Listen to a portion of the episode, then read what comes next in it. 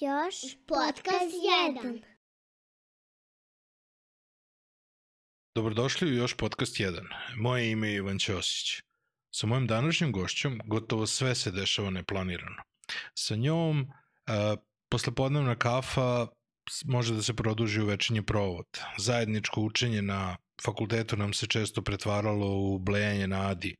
Jedno obično prijateljstvo i poznanstvo sa fakulteta nam se pretvorilo u prijateljstvo za ceo život.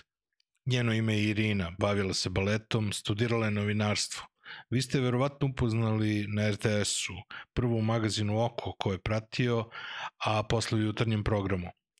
Na treninzima koji je BBC radio sa zaposlenim u RTS-u, naučila je unapredila svoja znanja iz oblasti novinarstva i videoprodukcija, a onda kada se preselila u Kanadu, svo to znanje je iskoristila da pokrene svoj YouTube kanal. Zbog toga je mnogi danas znaju po njenom kanalu Irina u Kanadi. Jedna od mojih najboljih prijateljica, moja današnja gošća Irina Đorđić. Uživajte. Dobrodošla Irina. Hvala i bolje te našla. Ako Ja nastavimo, mogu sad da ti pokažem jedno, jedno srce za ovu Možeš, divnu ako najavu. nastavimo oko da časkamo, nećemo nikad snimiti ceo podcast ljudski. A tako i uvek, seća, sećaš se da je uvek tako bilo sa nama. Odemo na kafu i onda završimo... Odemo, odemo da učimo i tako. U, da, to je bilo još, još zabavnije. Odemo da učimo, završimo na kupanju i sunčanju. Odemo na kafu, završimo na večeri i u kafani.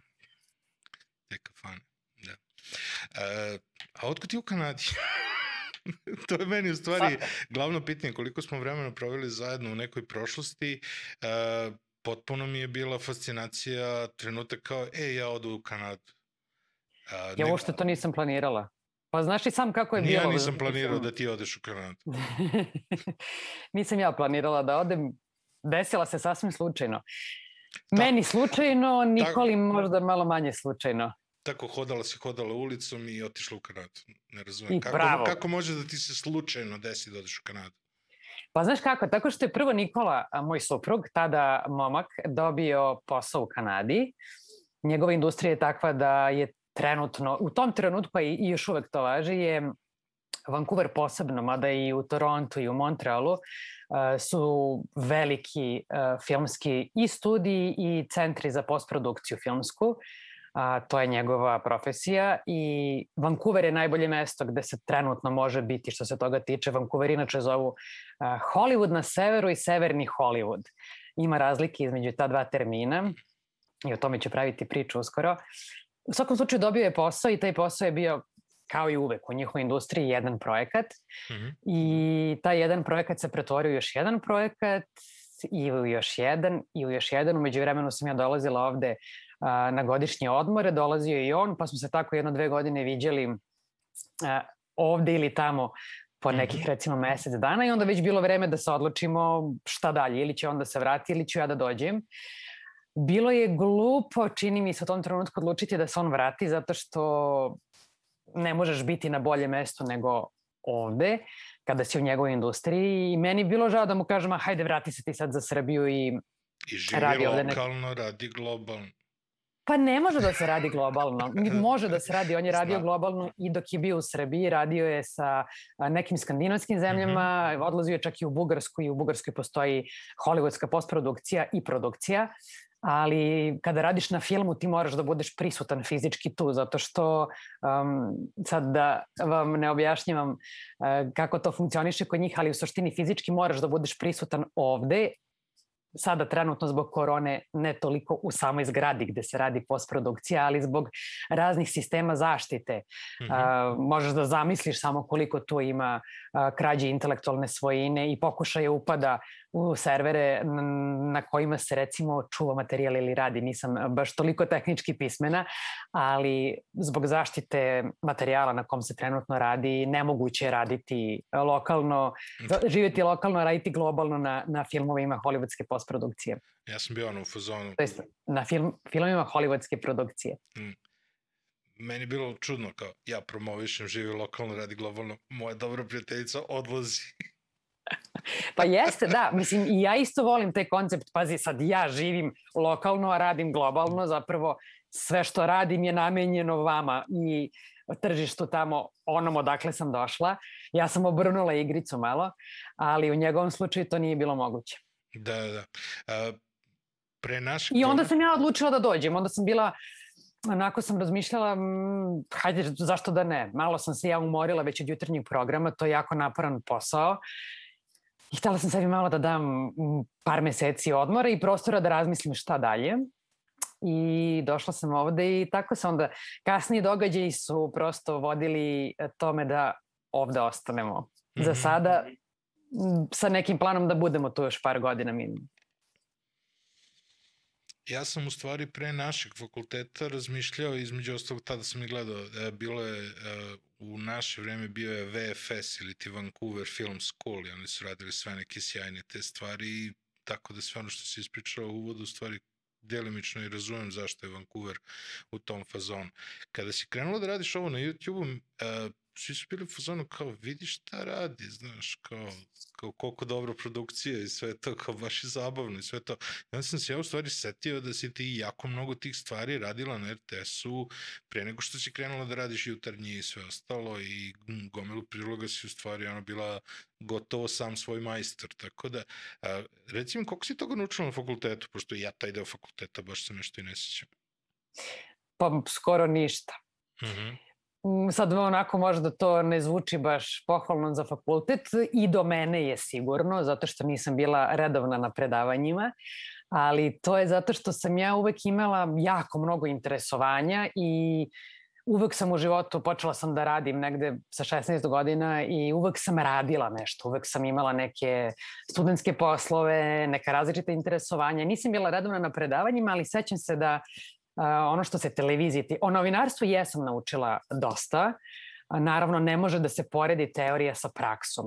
Sve što sam suštinski naučila, praktično naučila sam kada sam počela da radim, ali ono što sam naučila o televiziji konkretno, sećam se da je bilo jako malo, naučila sam šta je zlatni presek i šta je švenk. A to su neki termini koji će možda znati, prepoznati ljudi iz naše industrije. A, I do duše, ja jesam na fakultetu, ja sam diplomirala sa dokumentarnim filmom i to je bilo sasvim slučajno. Kada je došlo vreme za diplomski, razmišljala sam šta je ono što bi bila moja strast. Ja zapravo ušte nisam htela da studiram novinarstvo. Ja sam i to upisala. Meni se nekako sve u slučajno dešavalo. Ja sam htela da upišem fotografiju. Međutim, pošto sam išla u srednju baletsku školu koja je bila jako naporna, mi smo imali časove i subotom, svake, svaka subota je bila radna i pri tom na, u srednjoj školi zadnje dve godine sam igrala u Narodnom pozorištu i to je bilo dodatna obaveza i plus sam uh, bila u jednom pop rock bendu Lana i Aldo, ne znam koga se seća. Um, ti ne znaš taj period mog života, mi se tad nismo znali, to je bilo pre fakulteta. Ne, ali sam zahvaljujući tebi upoznao Lanu posle. E, da. I, ovaj, i, I sa Lanom smo imali vrlo, vrlo naporne probe, koncerte, nastupe, snimanja televizijska, gotovo svakodnevno, zaista. Celo, to, je bilo, to je trajalo tokom celog mog školovanja, cela moja srednja škola. Ja nikada nisam imala slobodan dan, nikada nisam imala slobodno vreme i nije bilo vremena da se spremam za fotografiju našla sam profesora fotografije koji je mogao da me sprema, ali na fotografiji primaju, tad su primali, čini mi se recimo četvoro ili šestvoro na budžet i možda dvoje, troje um, samofinansirajućih. Dakle, nije bilo šanse da, da se spremim da upadnem.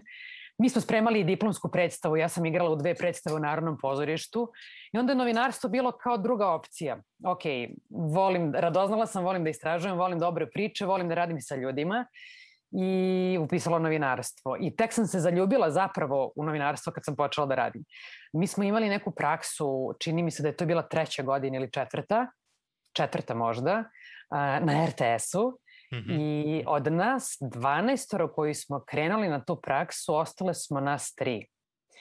I kasnije su te koleginice ostale da rade, ja sam posle prakse otišla, kad sam se vratila na RTS, jednu sam zatekla u RTS-u i uh, Um, do poslednjeg dana smo nas da čak bile zajedno u redakciji Zoka Sinadinović. Mm -hmm. ovaj, I nekako, mislim da sam imala prvo mnogo sreće. Završila sam, dakle, uh, dokumentarni film s kojim sam diplomirala.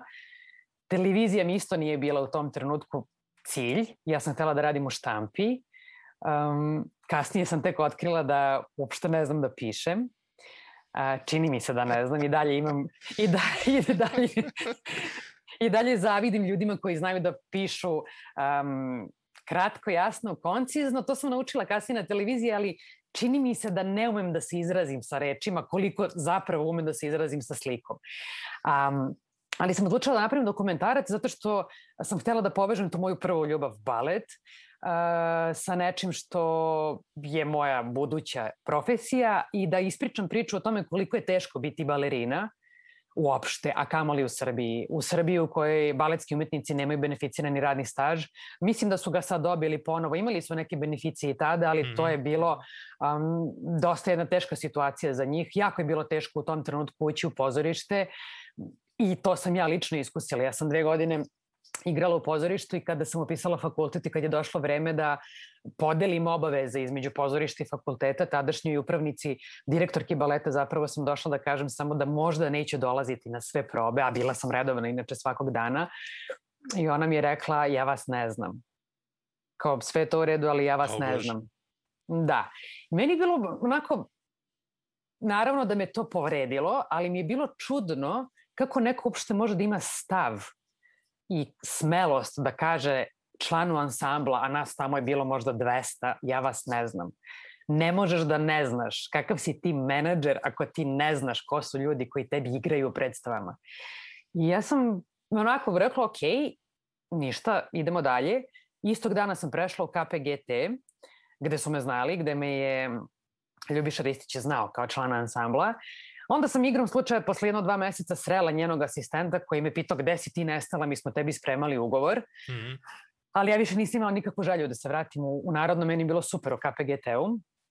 I, ovaj, I htela sam prosto da prikažem celu tu sliku, kako to izgleda, uh, kako je nemoguće ući u pozorište, nemoguće um, otići u penziju u nekim pristojnim godinama za baletske umetnike, nemogući prekvali, prekvalifikovati se kasnije a, za nešto drugo i taj diplomski sam snimala sama.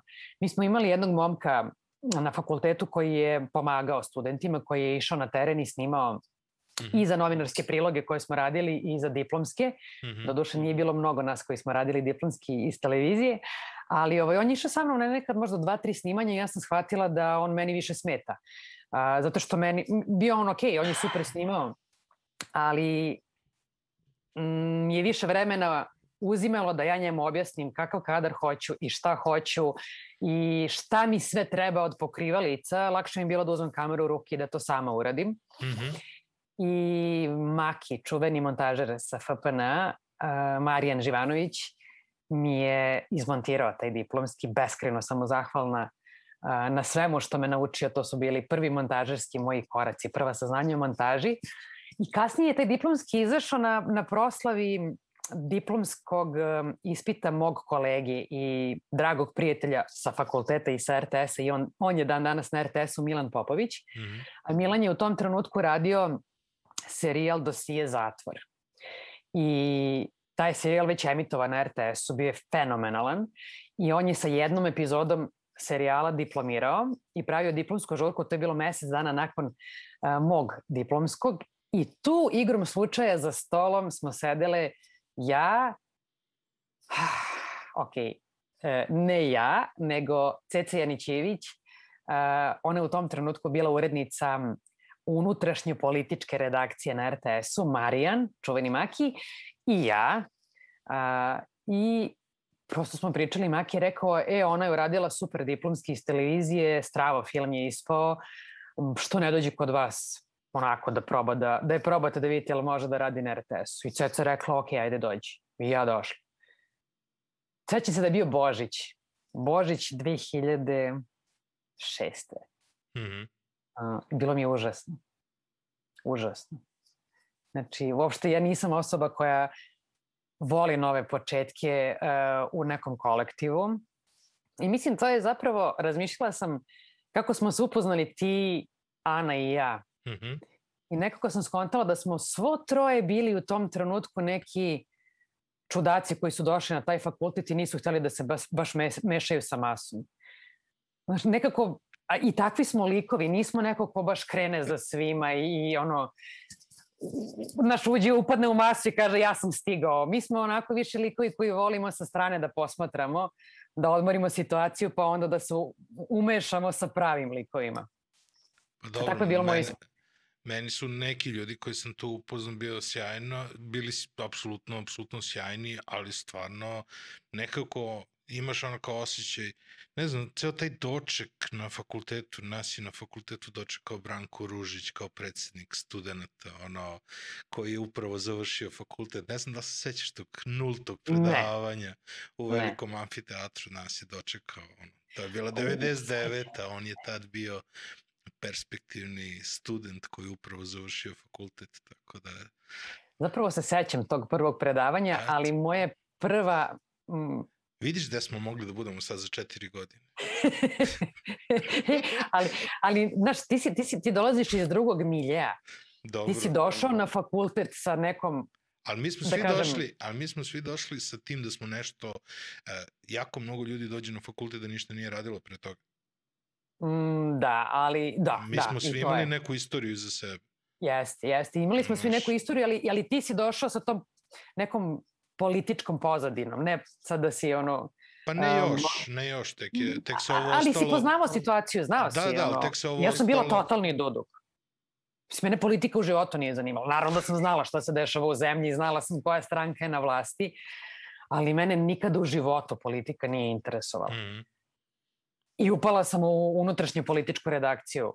To mi je bio početak na RTS-u. Bilo mi je smrtno dosadno. Pazi, a, znači, ja sam Zorićku poslao da prati futbol, gde nije znala šta je prečka i šta je stativa, tako da... Da, to je bilo fenomenalno. Slušala sam. Tako da to što E, si ti otišla bez znanja politike u unutrašnju političku redakciju, mislim, kako je zim, mislim. Slušaj, ono što je nauči, dobra stvar... Sve čovek nauči. Sve čovjek naučila. Ono što je dobro jeste što je u toj reda, ta redakcija se sastojala iz unutrašnje, koja zapravo je pratila sve druge društvene i socijalne teme i politiku. Tako Mhm. da sam ja upala u taj deo koji nije politika i tu sam radila priče koje su ono priče iz socijale, priče iz prosvete, priče iz kulture i to mi je bilo zanimljivo. Ali sama forma dnevnika mi nije legla zato što je mnogo suvoparna. Nema mesta za kreativnost, izveštaji su kratki, ne možeš da praviš mnogo reportaža jer prosto nema prostora za to. I tu sam prošla onako prilično stresnu jednu novinarsku školu gde sam setila sam se, vidiš sad kad kažeš Zorićka, iz njenog intervjua mi je bilo mnogo slatko kada je ona prepričavala to svoje iskustvo sa futbolskog terena, pa onda kako su joj kolege pomagale, kako se odveli u kafanu i pričali joj e, prvo termine uopšte, ono, a, futbolske koje bi morala da, da zna i da koristi. Ja uopšte nemam takvo iskustvo. Ja sam imala kolege, ne mogu da kažem, hajde sad da ne budem baš onako na kraj srca, bilo je tu divnih kolega koji su nama klincima pomagali u tom trenutku, ali bilo je i onih koji su znali da kažu, recimo, ako prati sektor prosvete, a ti radiš neku priču iz prosvete, Mhm. i treba ti broj telefona nekoga iz Ministarstva za prosvetu, a oni su svi u stalnom kontaktu sa PR-ovima iz ministarstava i onda potražiš pomoć, jel, kao daj mi savjet koga da pozovem, a oni ti kažu pa nazovi portirnicu i samo reci ti treba PR. Znajući unapred da, da će to biti duži proces prosto, da ću ja na kraju dobiti tog nekog, ali da će mi trebati možda i 2-3 sata umesto 2 minuta, Što je dosta glupo, zato što ja jednom kad dođem do tog broja telefona, ja ga imam kasnije zauvek. I Da, mogli su su da ti potezi- učine uslugu i da, da zapravo ti njima duguješ uslugu posle toga. I da nisam dobiju, ja taj... da dobiju poen od toga. Pa mislim, šta Ne, su... ne, ne, pa ne bi do... kako dobiješ poen? Ne dobiješ poen, dobiješ samo minus, zato što mi nisi zapravo pomogao. Da, kažem ti, znači ti ćeš dobiti taj kontakt, ti ćeš naći taj kontakt i ovako i onako, izgubit ćeš neko vreme, ovako su oni mogli to što ćeš ti onako dobiti, da na tome uberu sebi jedan poen prosto, o tome pričam. Apsolutno, da, da, da, da- upravo si, da. Ali bilo ih je koji to nisu radili i bilo je dosta onako zavisti koju mogu da razumem. Mhm. E, naravno da mogu da razumem, ali ja nisam takva. I sad kad kažem naravno, da, kažem naravno zato što mogu da razumem da kada je neko u, u poslu godinama i dođe mu neki klinac volonter, e, očekivano je da ti, ti neki neke starije generacije imaju otpor prema tome da se ta deca prave pametna. Ali mi, ni stvar, mi stvarno nismo bili ta generacija, mi se nismo pravili pametni, mi smo bili tu da odemo po kasetu, da odemo u arhivu, da pomognemo, da nazovemo nekoga, da zakažemo intervju, da odemo nekom po izjavu ako treba i plus smo radili dobar posao. Dobro, I činjenica da smo radili dobar svaka generacija u tom nekom periodu 20-25 je nadobudna, znači to je uvijek problem, mislim, e, pogledaš gomilu mladih, e, svi se bave svojim egom između 20 i 25, znači to je standardno. Jednostavno u određenim trenucima ti treba neka konfirmacija i želiš mm. da postaneš neko. I... Mm, ja nisam sa tom idejom nikada ništa radila. Mm -hmm. Stvarno nisam. Nikada nisam htela da budem poznata. Nikada nisam htela da postanem neko, nikada radi, nisam radila ništa sa nekim planom i ciljem. Prosto sam postojala i radila i igrala najbolje što mogu u tom trenutku sa kartama koje su mi podeljene. Večito sam upijala znanje, ono, ljudi koje, um, koje imam priliku da vidim i pozitivno i negativno. I kako treba i kako ne treba. I nikada, možda zato što sam ja školovana da budem na sceni. Mene scena nikad nije fascinirala. Ja nisam navijač koji je sišao na scenu. Ja sam odrasla na njoj. Meni je bilo normalno prosto da, da budem ispred kamere. Nije mi bilo prijatno, ali mi je bilo normalno, zato što sam to radila ceo, celog života. I nisam mislila da sam zbog toga posebna.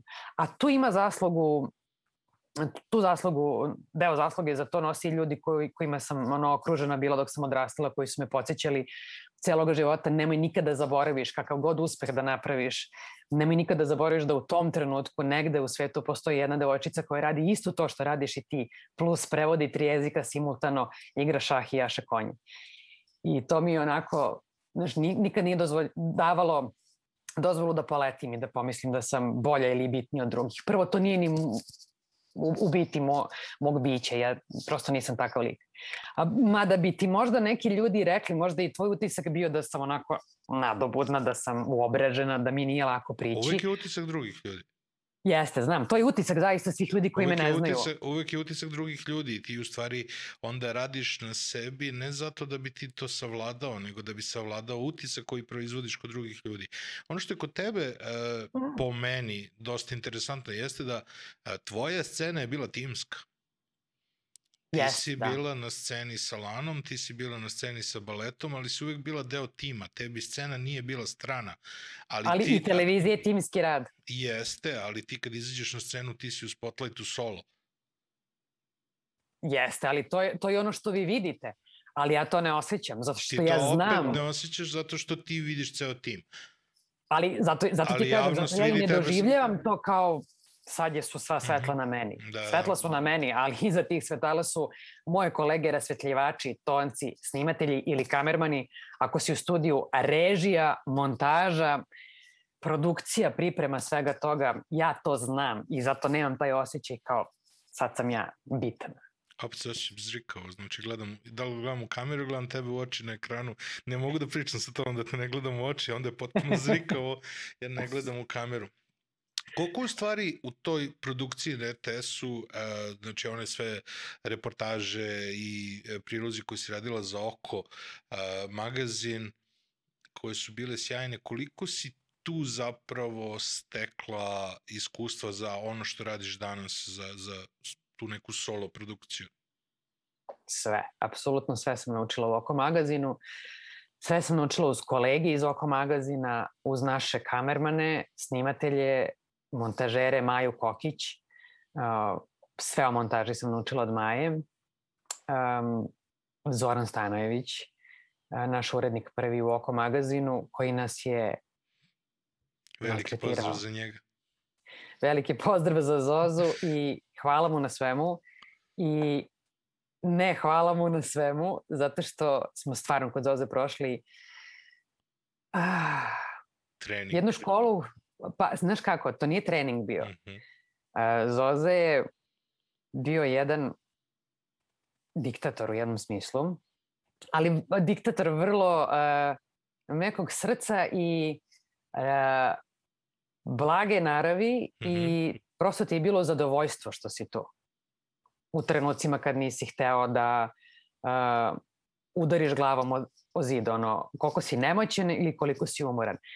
Kad smo počeli da radimo oko magazin, mi smo spavali u toj redakciji. Mm -hmm. Bile smo nas tri Uh, bila je Jelena Purković, bila je Nataša Đulić i bila sam ja. I mislim da su nas tri uzeli u tom trenutku zato što smo bile najmlađe. Um, Naj, najduže naj- ćete da trajete. ne, nego je bila najmanja šteta da odemo. A. Bila, Dobro. pošto je Nataša bila u spoljnoj redakciji, ona je pratila vesti sveta, Jelena i ja smo bile u dnevniku i to je moja procena. Ne mislim da nas nisu cenili, mislim da su procenili zapravo da sve tri imamo dovoljno talenta Mhm. da možemo da radimo na novom projektu, a sa druge strane najmanje proizvodimo u tom trenutku u dnevniku i najmanje je šteta da nas nema. N- ne držimo program, nismo ono vodeći novinari koji nose program, prosto zato što smo bila najmlađe. I to je bilo možda nekih, ne znam, početak možda prva 3-4 meseca da smo mi bukvalno spavali u redakciji. Dobri, naravno, išli smo kući, imali smo neka, nekada slobodne vikende, ali sećam se da je bio recimo februar kad sam imala prvi slobodan vikend. Mhm. I nisam znala šta da radim. Sam bila toliko srećna da nisam znala šta da radim od sebe. Kao ima, subota je jutro, ja nisam na poslu. Šta sad? Napravila sam žurku u, u kući. Ovaj, malo sam i nazdravila sama sa sobom. Možda se tog perioda i sećam, ali meni je posebno upečatljivo ostao onaj period kada si radila jutarnji program, kad nije bilo moguće organizovati bilo šta sa tobom. Da. Pa da, to je bilo strašno. Ja nisam imala uopšte društveni život. Moj društveni život je mogao da se vodi ponedeljkom i utorkom uglavnom. Kao Mada ni, ni to toliko kad sam počela da radim kulturni dnevnik, jer sam njega radila utorkom. Da, ali kad I si rekla imala. kao ustajem u 3, 4, znaš, je kao ćeš da te budim, kao ja tad ležem, kao zaslužiš. A zamisli, ja sam pre jutarnjeg išla da spavam u četiri ujutru. pa, otprilike da. Da, e, da, nisam imala praznike, nisam imala vikende, nisam imala sva ona putovanja koje ljudi, koje ljudi imaju vikendom. Znaš, kao uskrs je idemo u Budimpeštu na tri dana. Jebre, nisam Budimpeštu videla. Dakle, od svih gradova koje sam videla, videla sam ih mnogo i presrećna sam zbog toga. Sve su bila službeno putovanje. Nisam imala prostora nikada da putujem. Jednom sam otputovala u inostranstvo, nije bilo službeno, a bilo je poloslužbeno. Išla sam da se vidim sa ekipom nekom a, koju sam upoznala na novinarskoj akademiji u Nemačkoj. E, posle par meseci smo se svi sastali u Dublinu. Mhm. I to mi je bilo jedino putovanje u inostranstvo koje nije bilo službeno. Ne računam letovanja, ono, ne znam, Tunis, Egipat i, i Grčka. Ovaj, to nije bilo službeno. Ali sve ostalo, da. Nisam imala život, zaista. Bilo je teško. Ali ne mogu da se žalim, bilo je, to je bio divan život. Ali ti voliš sebi da napuniš život obavezom. Da. Znaš, i cijela ta priča i sa baletom pre fakulteta i, ovaj, i sa nastupima i sa svim ostalim stvarima, ti, ti moraš da ispuniš život nekim obavezama. Pa E, verovatno očigledno. meni zato prio i taj život u oko magazinu. Znaš, ja se zezam naravno kad kažem Zoza je bio a, diktator, ali Zoza je stvarno nama um, uveo neke stvari koje znam da drugi novinari nisu radili, nisu učili na taj način. Mi smo recimo um, imali obavezu da gledamo Newsnight uh, emisiju koja se emitovala i emituje se na BBC-u, koja je bila vrlo slične forme jeste i dalje uh, kao oko magazin i da tu krademo zanat kako se snima, kako se montira, a, kako se teme neke obrađuju. On je čak toliko nama izlazi u susret, znači nama je sve bilo olakšano. Zoza je nama sve resurse davao. Dakle, mi smo jednom nedeljno imali narezan CD Newsnighta i koje smo mogli da gledamo svi zajedno u redakciji ili da ga nosimo kući, da ono, izaberemo potpuno način kad je nama udobno, kako nam je udobno da to gledamo, ali da to odgledamo. Svakog jutra smo imali kolegijume koji su trajali po sat vremena ili sat i po. Svakog jutra je neko od nas išao na kolegijum u unutrašnju redakciju, u dnevničku, na dnevničke kolegijume. Imali smo raspored. Svakog dana je neko od nas iz redakcije bio zadužen za emisiju, bio je supervizor koji sada u montaži vodio računa da su svi materijali stigli na vreme, da će montaža stići na vreme, koji su potpisi, koja muzika, je li sve nabavljeno. To je bilo pre nego što smo dobili muzičkog urednika do duše. I imali smo pri tom sve vreme u montaži našu divnu rediteljku Milicu Matić, koja je sedala sa nama stalno i sa kojom smo mogli da se savetujemo oko produkcije i, postprodukcije. I to je stvarno bilo dobro, zato što smo imali ekipu ljudi koja je sve vreme bila fokusirana na proizvodnju tog programa. Dakle, produkcija, postprodukcija, snimatelji, montaža, rasvetljivači, tonci, to su sve bili divni ljudi sa kojima si mogao zaista da radiš u smislu da ih pitaš, da dobiješ pravi odgovor, da ti izađu u susret, da kažeš ja hoću ovaj kadar, da ti oni kažu ne može zbog toga i toga, ali da se potrude da ga naprave ako ima ikakve mogućnosti za to. To je bio redak, I zato smo mi... To je bio redak per, uh, period u mom životu kada sam ja zapravo gledao RTS. Da, Znači, da, to je emisija bila fenomenalna, zaista. S obzirom da ste pokrivali dosta neki, i, nekih digitalnih tema koje su meni bile važne i tada ovaj, to je stvarno bio dobar period i to je bilo i prepremotavanje do duše, što je dosta važno. Tako da, e, stvarno to što ste tada radili je bilo sjajno i stvarno je Oko magazin nekako bila emisija koju si mogao da gledaš redovno i da, i da pratiš. Pazi, ona je jako brzo, od kad smo mi krenuli, vrlo brzo, sad ne znam tačno, nemam te podatke, ali vrlo brzo je ušla u um, top 20 najgledanijih emisija na RTS-u i mislim da je tamo i dan danas. Odlična je bila emisija i mi smo, nama je bilo zadovoljstvo da to radimo. Koliko god je bilo teško, ja se sećam nebrojena situacija kada smo sedeli u redakciji u 8 uveče, u 9, pišemo tekst za sutra, nemamo ono spremnu temu, prosto se desi ono ne, nepredviđenih um, nekih momenta koliko hoćeš, znaš, otkaže ti sagovornik ili se dešavalo da ti nestane materijal sa servera ili šta god, ono, i ti shvatiš da nemaš svoj prilog za sutra, onda sediš u 8 uveče, zoveš neke sagovornike, smišljaš neku temu, a Zoza nije baš bio zadovoljan sa bilo kojom temom. To su bili, ono, upravo su zato trajali tako dugo ti naši jutarnji sastanci, on nikada ničim nije bio zadovoljan. Što je bilo dobro, jer nas je terao da razmišljamo.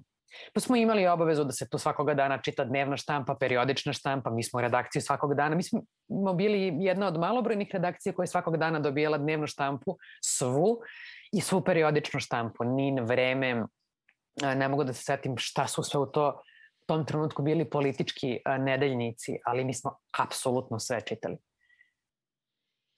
I kako da čovjek ne bude srećen? I onda odeš na jutarnje i onda tu pozna cela Srbija. I onda ljudi kažu, jao, vidi, uspeh preko noći, ko je bre sad ova? Da, ko je ovo doveo? to je ta 20 godina ko je ovo doveo? deluje kao uspeh preko noći, da. Da. Ti si u stvari, ono što ljudi ne znaju, iz Oka otišla u jutarnji program, je tako? Da, otišla sam iz Oka slučajno. Ot, otelite. Slučajno, to se stvarno isto desilo neplanirano, jer smo mi u oku, um, kao što si rekao, mi smo u oku neki od nas uh, i snimali i montirali sami i odlazili na teren sami, Što moram da ti kažem da u početku nije bilo baš blagonaklono prihvaćeno od strane nekih kolega uh, iz produkcije, jer se to smatralo onako uzimaš im hleb iz usta kada ideš sam da snimaš i da montiraš. Ali to je prosto standard koji je krenuo svuda u svetu i mm, RTS je u tom trenutku, čini mi se, zaista bio pionir i ja nisam zapravo ni bila svesna koliko smo mi pioniri u tome, zato što recimo Slađana Miletić i ja, uh, moja koleginica iz Oko magazina i ja smo išli na tu novinarsku akademiju u Nemačku, gde e, je bilo nas 20 kolega iz cele Evrope. To su svi bili ljudi iz javnih servisa iz cele Evrope i nas su tamo učili da snimamo i da montiramo. I dan danas je taj jedan od naših profesora koji je bio na toj akademiji, on je bivši snimatelj sa BBC-a, čovek koji je držao treninge u celom svetu i dan danas je on na neki način moj mentor. Ja sam s njim u redovnom kontaktu i i prati sve što radim onako znam da je vrlo ponosan zato što kada smo Milan i ja pokrenuli onaj naš mali projekat Srbija za poneti koji smo sami snimali i montirali, um, Karol je dolazio tih dana u, u Beograd i videli smo se, on je to pogledao i rekao je ovo može da ide na Travel Channel i dobili biste dosta novca za ovo. Tako da onako porasli smo kao kvasac Milan i ja, zato što nekako, znaš, kod nas je taj mentalitet i stalno živiš u tom sistemu da nisi dovoljno dobar da nikad ništa nije dovoljno dobro. Eventualno dobiješ kao neko tapšanje po ramenu, ali stalno imaš osjećaj da ti njima treba da platiš što su ti dali priliku da, da radiš. Mm -hmm. Zaista ne cenimo ni sebe, ni, ni jedni druge. I, ovaj, i, I to je isto bio način kako smo učili i BBC je dolazio to je RTS imao specijalan jedan aranžman sa BBC-em, tako da su treneri sa BBC-a ljudima sa RTS-a držali brojne radionice, tako da sam ja prošla i ja sam uvijek bila za. Kad god su pitali ko hoće da ide, ja sam dizala ruku, ja ću da idem. Tako da sam ja završila i trening za, dakle, i za snimanje, i za montažu, za političko izveštavanje, za istraživačko novinarstvo, za dečje pravo u izveštavanju, za prezentera, za voditelja, za produkciju, ma ne sećam se više koje sve kurseve. Um, I stalno sam, smo učili, stalno smo bili, ajde još ovo, ajde još ovo, ajde uzmi ovu kameru, ajde sad kreni da snimaš mobilni.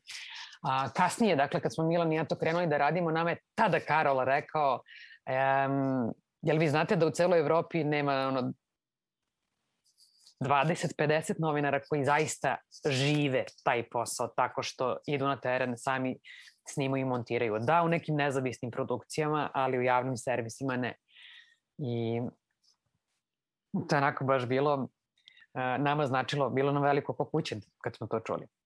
Ovo je trenutak kada ono, prosječan kad neki srpski roditelj, razumeš, dovede dete pred ekran kao, vidiš sa kakvim znanjem se pokreće YouTube kanal, a ne ti ono, što hoćeš da se snimaš telefonom.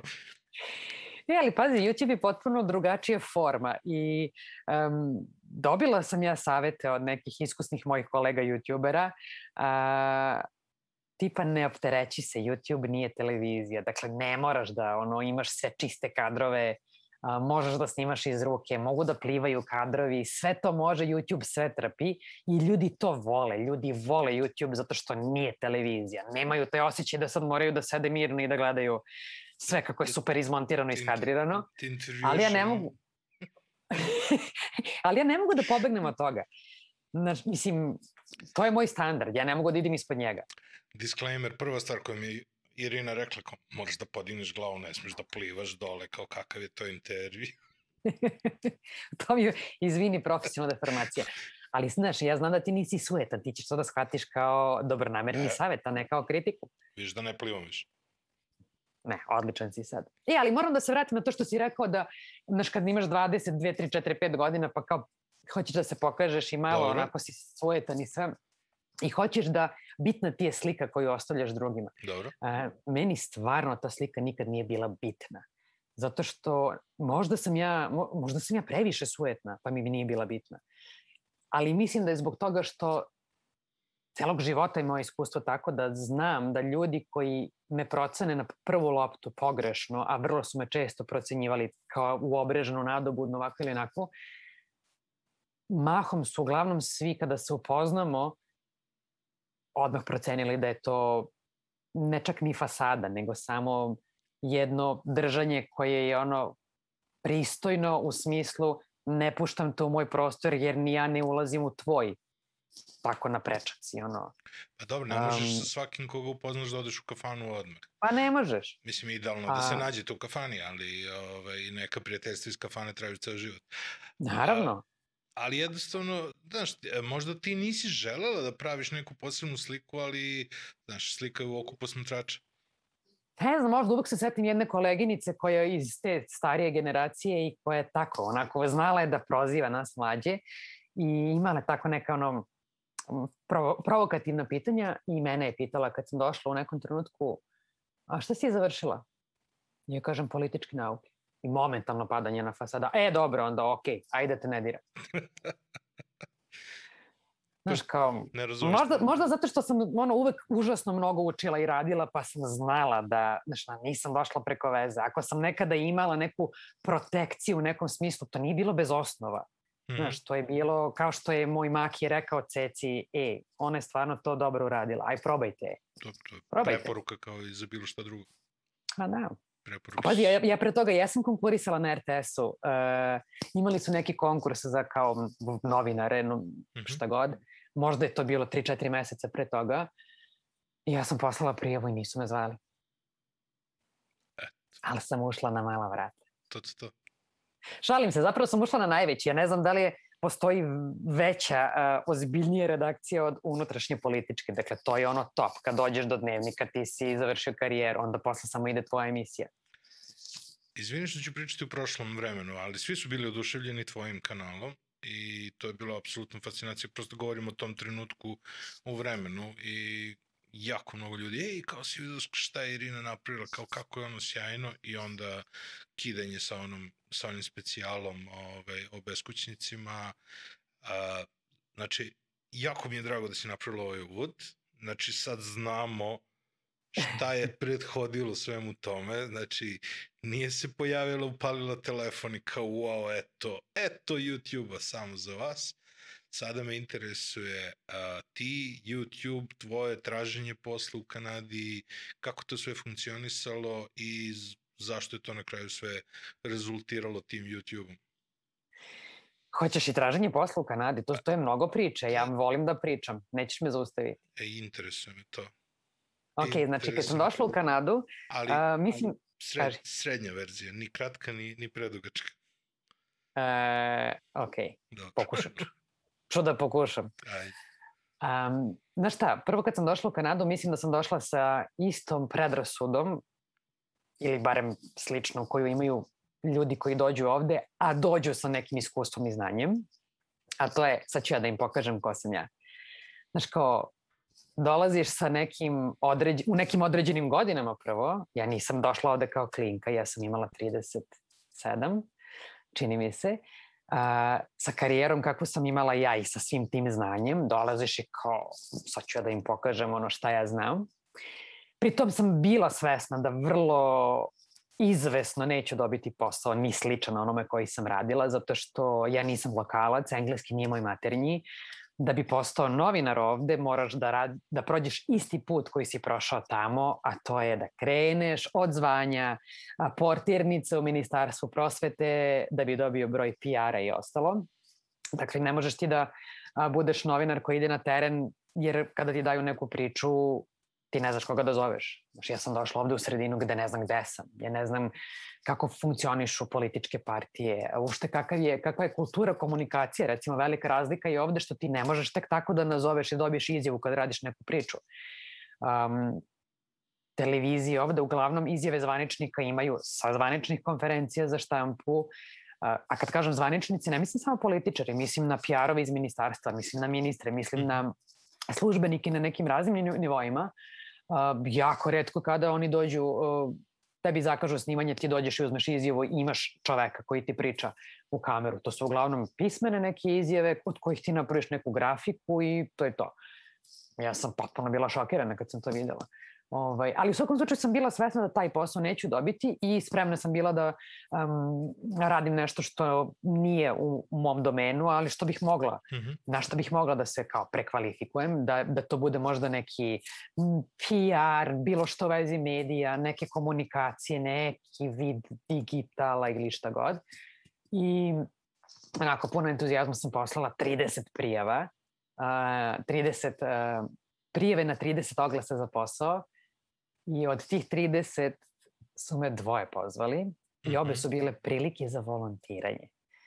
Jedna je bila neka nezavisna produkcija koja je pokušala mi poda, proda neku priču o tome da ja treba zapravo da budem komercijalista koji ide na teren i nudi njihove usluge um, restoranima. Oni su snimali neke reklame za restorane i kafići i kao ja imam procenat svakog tog posla, ja sam rekla ne hvala, nisam prodavac i nemam to da radim i ne bih to nikada radila a drugi je bio poziv za volontiranje na Vancouver Fashion Weeku. I to sam prihvatila, to sam radila, tamo sam radila uh, PR, zamisli. Bila sam zadužena za uh, medije iz jugoistočne Evrope. Um, tako sam ozbiljno to shvatila i tako sam odradila dobar posao, zato što sam ga radila prvi put u životu, naravno. I nisam znala koliko uh, ne znam, ali sam sve naučila usput. Imali smo nekih dvadesetak, recimo možda i tridesetak objava a, tokom a, Fashion Weeka iz jugoistočne Evrope, a do tada ih nisu imali, čini mi se, uopšte, ili možda dve, tri. To je super prošlo i radila sam montažu njihovih videa za YouTube. Mm -hmm. I to iskustvo je bilo neprocenjivo, prvo zato što sam tu saznala da te niko u Kanadi neće zaposliti ako nemaš kanadsko radno iskustvo. Uh, jer je producent sa kojim sam ja došla da, da razgovaram um, za to volontiranje, mene pitao, izvini, zašto si ti sa takvom biografijom došla kod nas? Ja mu kažem iskreno, zato što imam vremena, nemam posao, uvek hoću nešto da naučim, ne znam kako funkcioniše Fashion Week, deluje mi onako zabavno. I on je rekao, super, upravo si, um, zato što te niko i neće zaposliti dok nemaš kanadsko radno iskustvo. A kanadsko radno iskustvo stičeš volontiranjem, osim ako ga ne stekneš nekim poslom, koji ja nisam mogla u tom trenutku. I, ovaj, I to je tako prošlo, ja sam umeđu vremenu dok sam dešavao Vancouver Fashion Week ostala u drugom stanju i posle prosto nisam ni mogla da više da radim. E onda sam opet imala ludu sreću. Kažem ti, meni se sve u životu de dešava ono uz pomoć sreće. Uh, već sam bila negde pred porođajem i pozvao me moj kasniji supervizor sa televizije na kojoj radim da me pita mogu da dođem da menjam nekog montažera u toku božićnih praznika. Ja mu kažem, nažalost ne mogu, očekujem da se porodim svakog dana, ali ono, hvala na ponudi, bit ćemo u kontaktu, bit će neke druge prilike. I prošlo je skoro godinu dana, ja sam već bila u Srbiji mm -hmm. neko vreme, vratila sam se posle um, tog mog trudničkog, već sam bila na porodiljskom, da sam se vratila da radim i dvomila sam se da li da ostanem u Srbiji ili da idem za Kanadu. To je bio moment kada smo zapravo kao odlučivali gde ćemo. Mm -hmm. To je bio moment kad sam ja došla s Maksimom, sećaš se? Da, da. Njegov prvi rođen. Da, da. I, ovaj, I ostala sam tada osam meseci i negde već posle šest meseci sam pomislila na moje ogromno iznenađenje ja hoću idem kući, misleći na Kanadu. I samo sebe sam zbunila sa tim. Kao, izvini, kako je kući? Gde je tvoja kuća? Gde je tvoja kuća? Onda sam shvatila da je kuća tamo gde se ti kao čovek osjećaš dobro. Čini mi se da u tom trenutku uh, sam se ovde osjećala bolje nego u Beogradu, pre svega zato što sam imala Maksima koji je bio beba i bilo mi je strašno nezgodno u Beogradu da provodim kvalitetno vreme sa njim, jer uh, smo ovde, čak i kad je bio jako mali, znači tek po rođenju, uh, ovde smo imali neke divne sadržaje za mame i bebe. Um, community centri ovde imaju te programe, uh, family programe gde, koji su otvoreni za komšilog i gde možeš da dođeš, tu postoje igračke, postoji story time, postoje muzičke radionice. Dakle, dođeš, animatori koji tu rade, čitaju priče deci, um, imaju umetničke muzičke radionice, ništa to meni nije značilo dok je on bio beba, naravno, ali i jeste, znaš, družiš se sa drugim roditeljima, ovde si u sredini gde ne znaš nikoga, a na taj način upoznaješ ljude, a u Beogradu u tom trenutku um, bili su Janko i Olga, je li okej okay to da kažem imena? Naravno. I hoćeš, a? Naravno. Opušten. Ne znam koliko štitimo privatnost. Nema veze. Ajde da ponovim da kažem, ok, bila su ne, tvoja deca. Ne, neću da montiram, neću ja da se bavim montažom, okay. samo nastavi. Dakle, bili, bili su Janko, Janko i Olga, bio je Konstantin, sada da nabrajem imena sve dece, bilo je jako uh, puno mojih prijatelja koji su imali decu već uzrasta, koji su tu negde godinu, godinu i po dve I u tom, tom periodu je strašno nezgodno družiti se sa uh, prijateljima s tako malom decom. Deca imaju različite rasporede, neki idu u vrtić, neki spavaju tri puta dnevno, neki spavaju dva puta dnevno, neki ne spavaju uopšte. Uh, gde možeš da se vidiš ako ne odeš na neki izlet što nije u našoj kulturi, uh, vidiš se u nekoj igraonici, u nekom kafiću, gde oni trče okolo ili izlaze iz kolice, pentraju se, ulaze. Um, ne možeš, sa, ni, ne možeš da se organizuješ lako da se družiš sa ljudima. Da, znam šta kažeš, zato što nama je to bilo fenomenalno, zato što klinci uh, u ovom nasilju su koliko toliko ljudi kupili stanove uh, ljudi istog uzrasta i nama su deca istog uzrasta. Ok, ima tu razlike, ali nama nije potrebno da se nešto pretarano poznajemo sa komšilukom, dovoljno da izvedemo decu ispred zgrade i imaju ekipu za igranje uvek. Tako, Tako da, je. a to se tačno sećam tog perioda do, do nekih godina i po dana dok su van sinhronizacije deca, ne možeš da se družiš ni sa kim sad. Možeš da pozoveš. Ne samo druženje, znači ja sam shvatila da sam došla kući jer su mi nedostajali svi ti moji ljudi, svi vi, i onda sam shvatila da se ne viđem ni sa kim. Da. Upravo zbog tih rasporeda. A drugo, ako ja hoću da odem sa Maksimom, da ga odvedem na Adu, u Košutnjak, bilo gde, gde da bude u nekoj prirodi, ja moram da vozim 45 minuta, da prolazim kroz gradsku gužvu, bilo je leto, bile su nesnosne vrućine, on mali, kad dođem na Adu, onda na Adi trešti muzika, gužva na sve strane, nema slobodnog mesta, ne možeš da, ono, da, da nađeš neko mesto u hladu, a da tu nisu krpelji u travi, jer trava nije ošišana i sad nazovim je razmaženom, nazovim je razmaženom, ali jesam se razmazila. Paranoično. Ne, zaista je bilo tako. Išli smo na košutnjak, pojeli su nas komarci. Mislim, slušaj, znam da ovo zvuči razmaženo i, i jeste, to je zato što jeste užasno razmaženo. Jer sam došla iz sredine gde je sve pod konac. Dobro, Gde odemo u šumu. ali, ok, postoji opasnost, to se razumemo. A, I na, naravno da ne želiš da ti dete bude u bilo kakvoj opasnosti od bilo čega. Ali recimo, a, možda jeste glupo, ali Olga je a, Olga je zakačila krpelja na, na avali kad smo bili sa prijateljima. I posle toga smo išli a, kod ono e, skinuli e, sve kako doktor propisuje, onda smo nosili krpelje u laboratoriju da, da se to izanalizira, da li je otrovan ili nije, platili to sve, ali njih dvoje su pričali dve nedelje o tome. Oni su dve nedelje imali materiju o kojoj su Aha, pričali da. koju su napravili. Tako da, e, mislim, okej, ja razumem, ali kao komarci, sve to i ostalo, ali od svega Pazi, toga... to je sad trivialno komarci, Da, krpelji, da. to je stvarno trivial, to je najmanji razlog. Ali, ali ja nekad sam možeš došla- i od lošeg okruženja da napraviš avanturu. Tačno, ali, Ali ja sam došla iz okruženja u kom postoje druge avanture. Mi živimo jako blizu plaže, Da. da. celo leto on provodi na plaži. Živimo jako blizu najvećeg gradskog parka, najveće gradske šume u Kanadi, gde možeš da odeš da provedeš ceo dan istražujući svašta nešto. Drugo, a, trotoari su zgodni za mame koje voze bebe u kolicima. Treće, e, u našem okruženju postoji nekoliko, hajde da kažem, tih community centara ili sportskih centara porodičnih gde postoje radionice za bebe, muzičke, umetničke, bazeni, časovi plivanja, sada ti ne nabrajam šta sve, ali jako mnogo resursa da mame sa malom decom provode kvalitetno vreme. Mhm. I meni je to u tom trenutku bilo jako važno.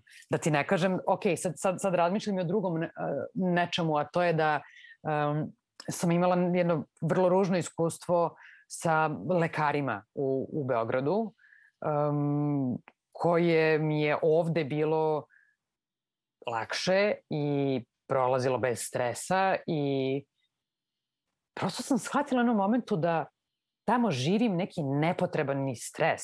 Znači, meni ne mora da bude stres da odemo kod lekara.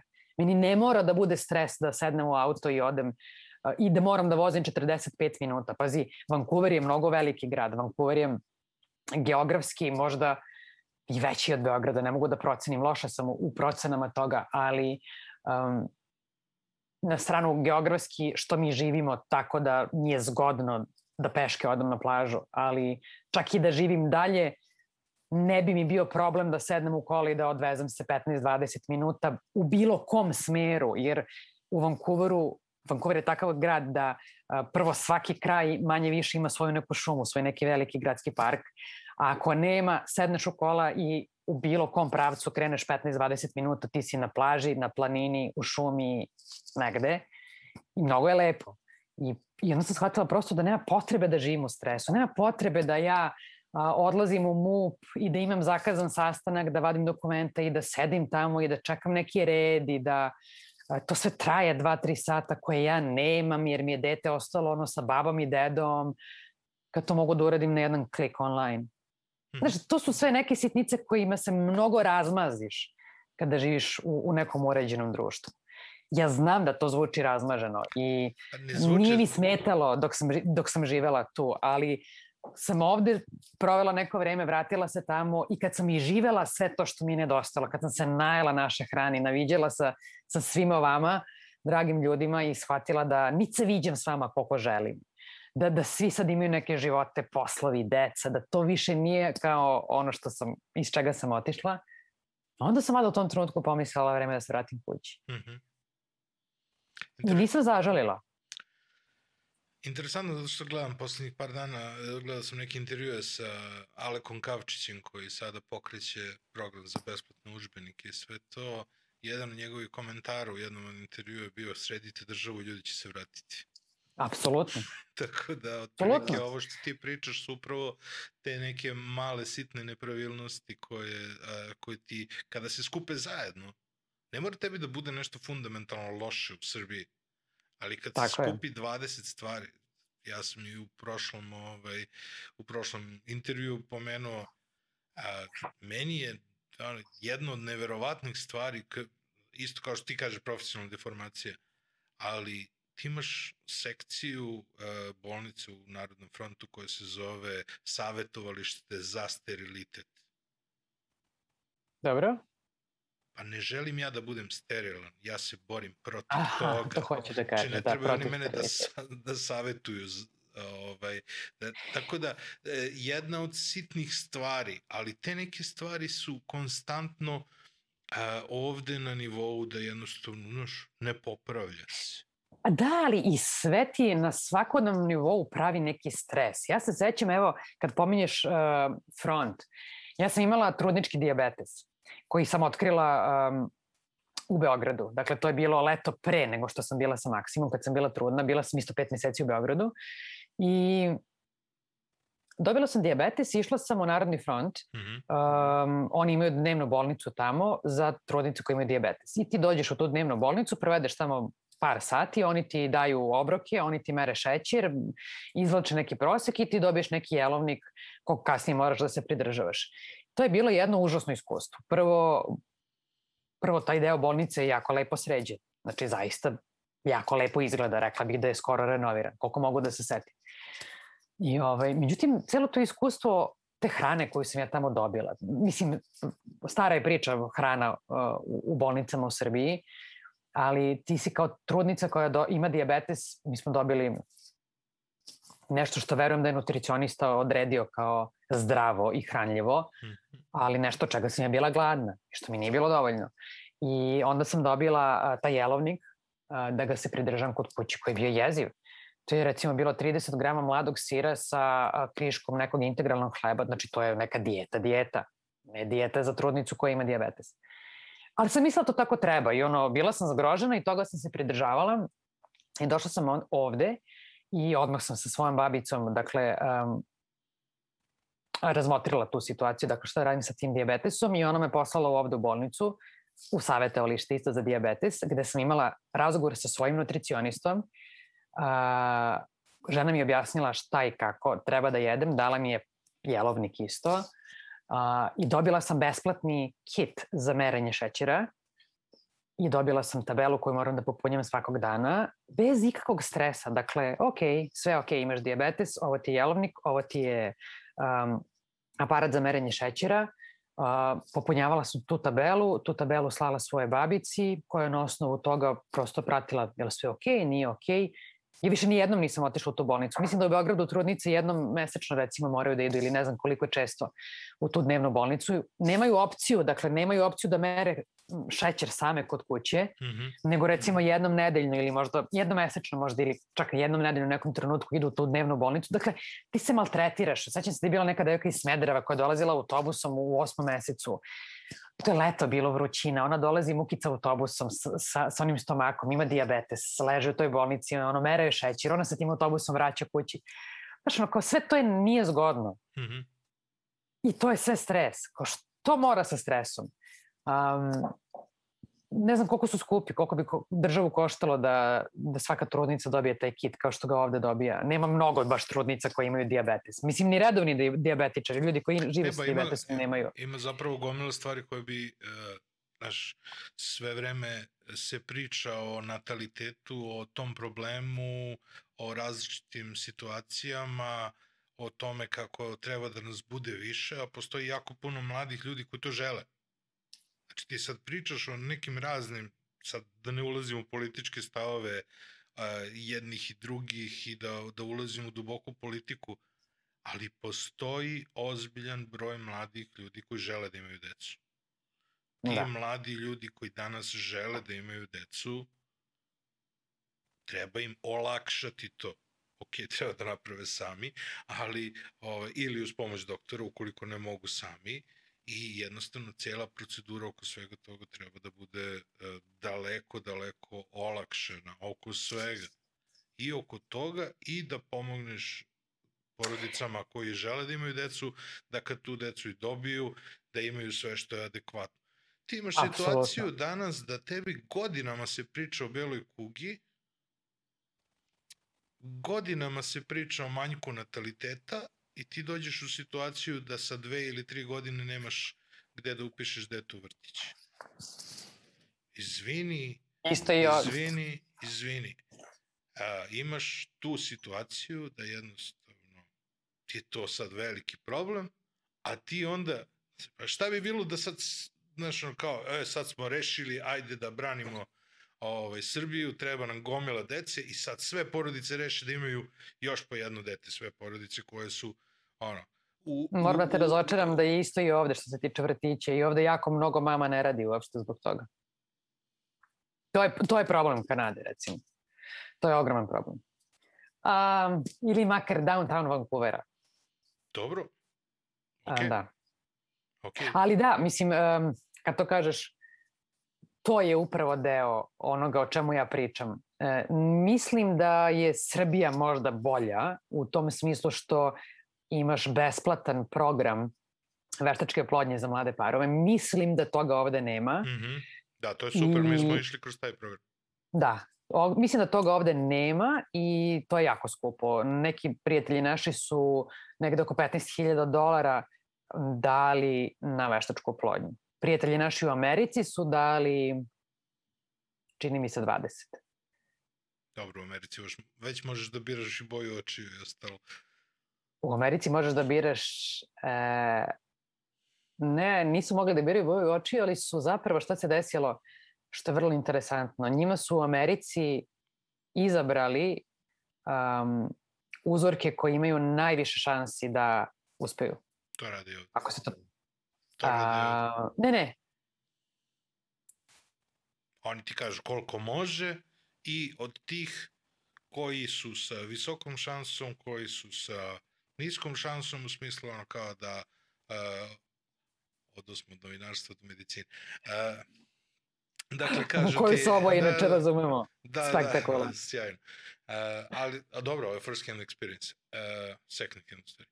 Uh, u svakom slučaju, oni ti kažu, dakle, ovoliko je uspelo, uh, ovoliko imate ovaj, embriona i onda možete da vratite koliko želite, oni pre, imaju određene brojke koje preporučuju, jedan od razloga zašto ima puno blizanaca, i, ovaj, i sada ukoliko postoji puno uspešnih i kvalitetnih embriona, postoji ta mogućnost da ti određeni broj embriona zamrzneš ukoliko imaš dovoljno.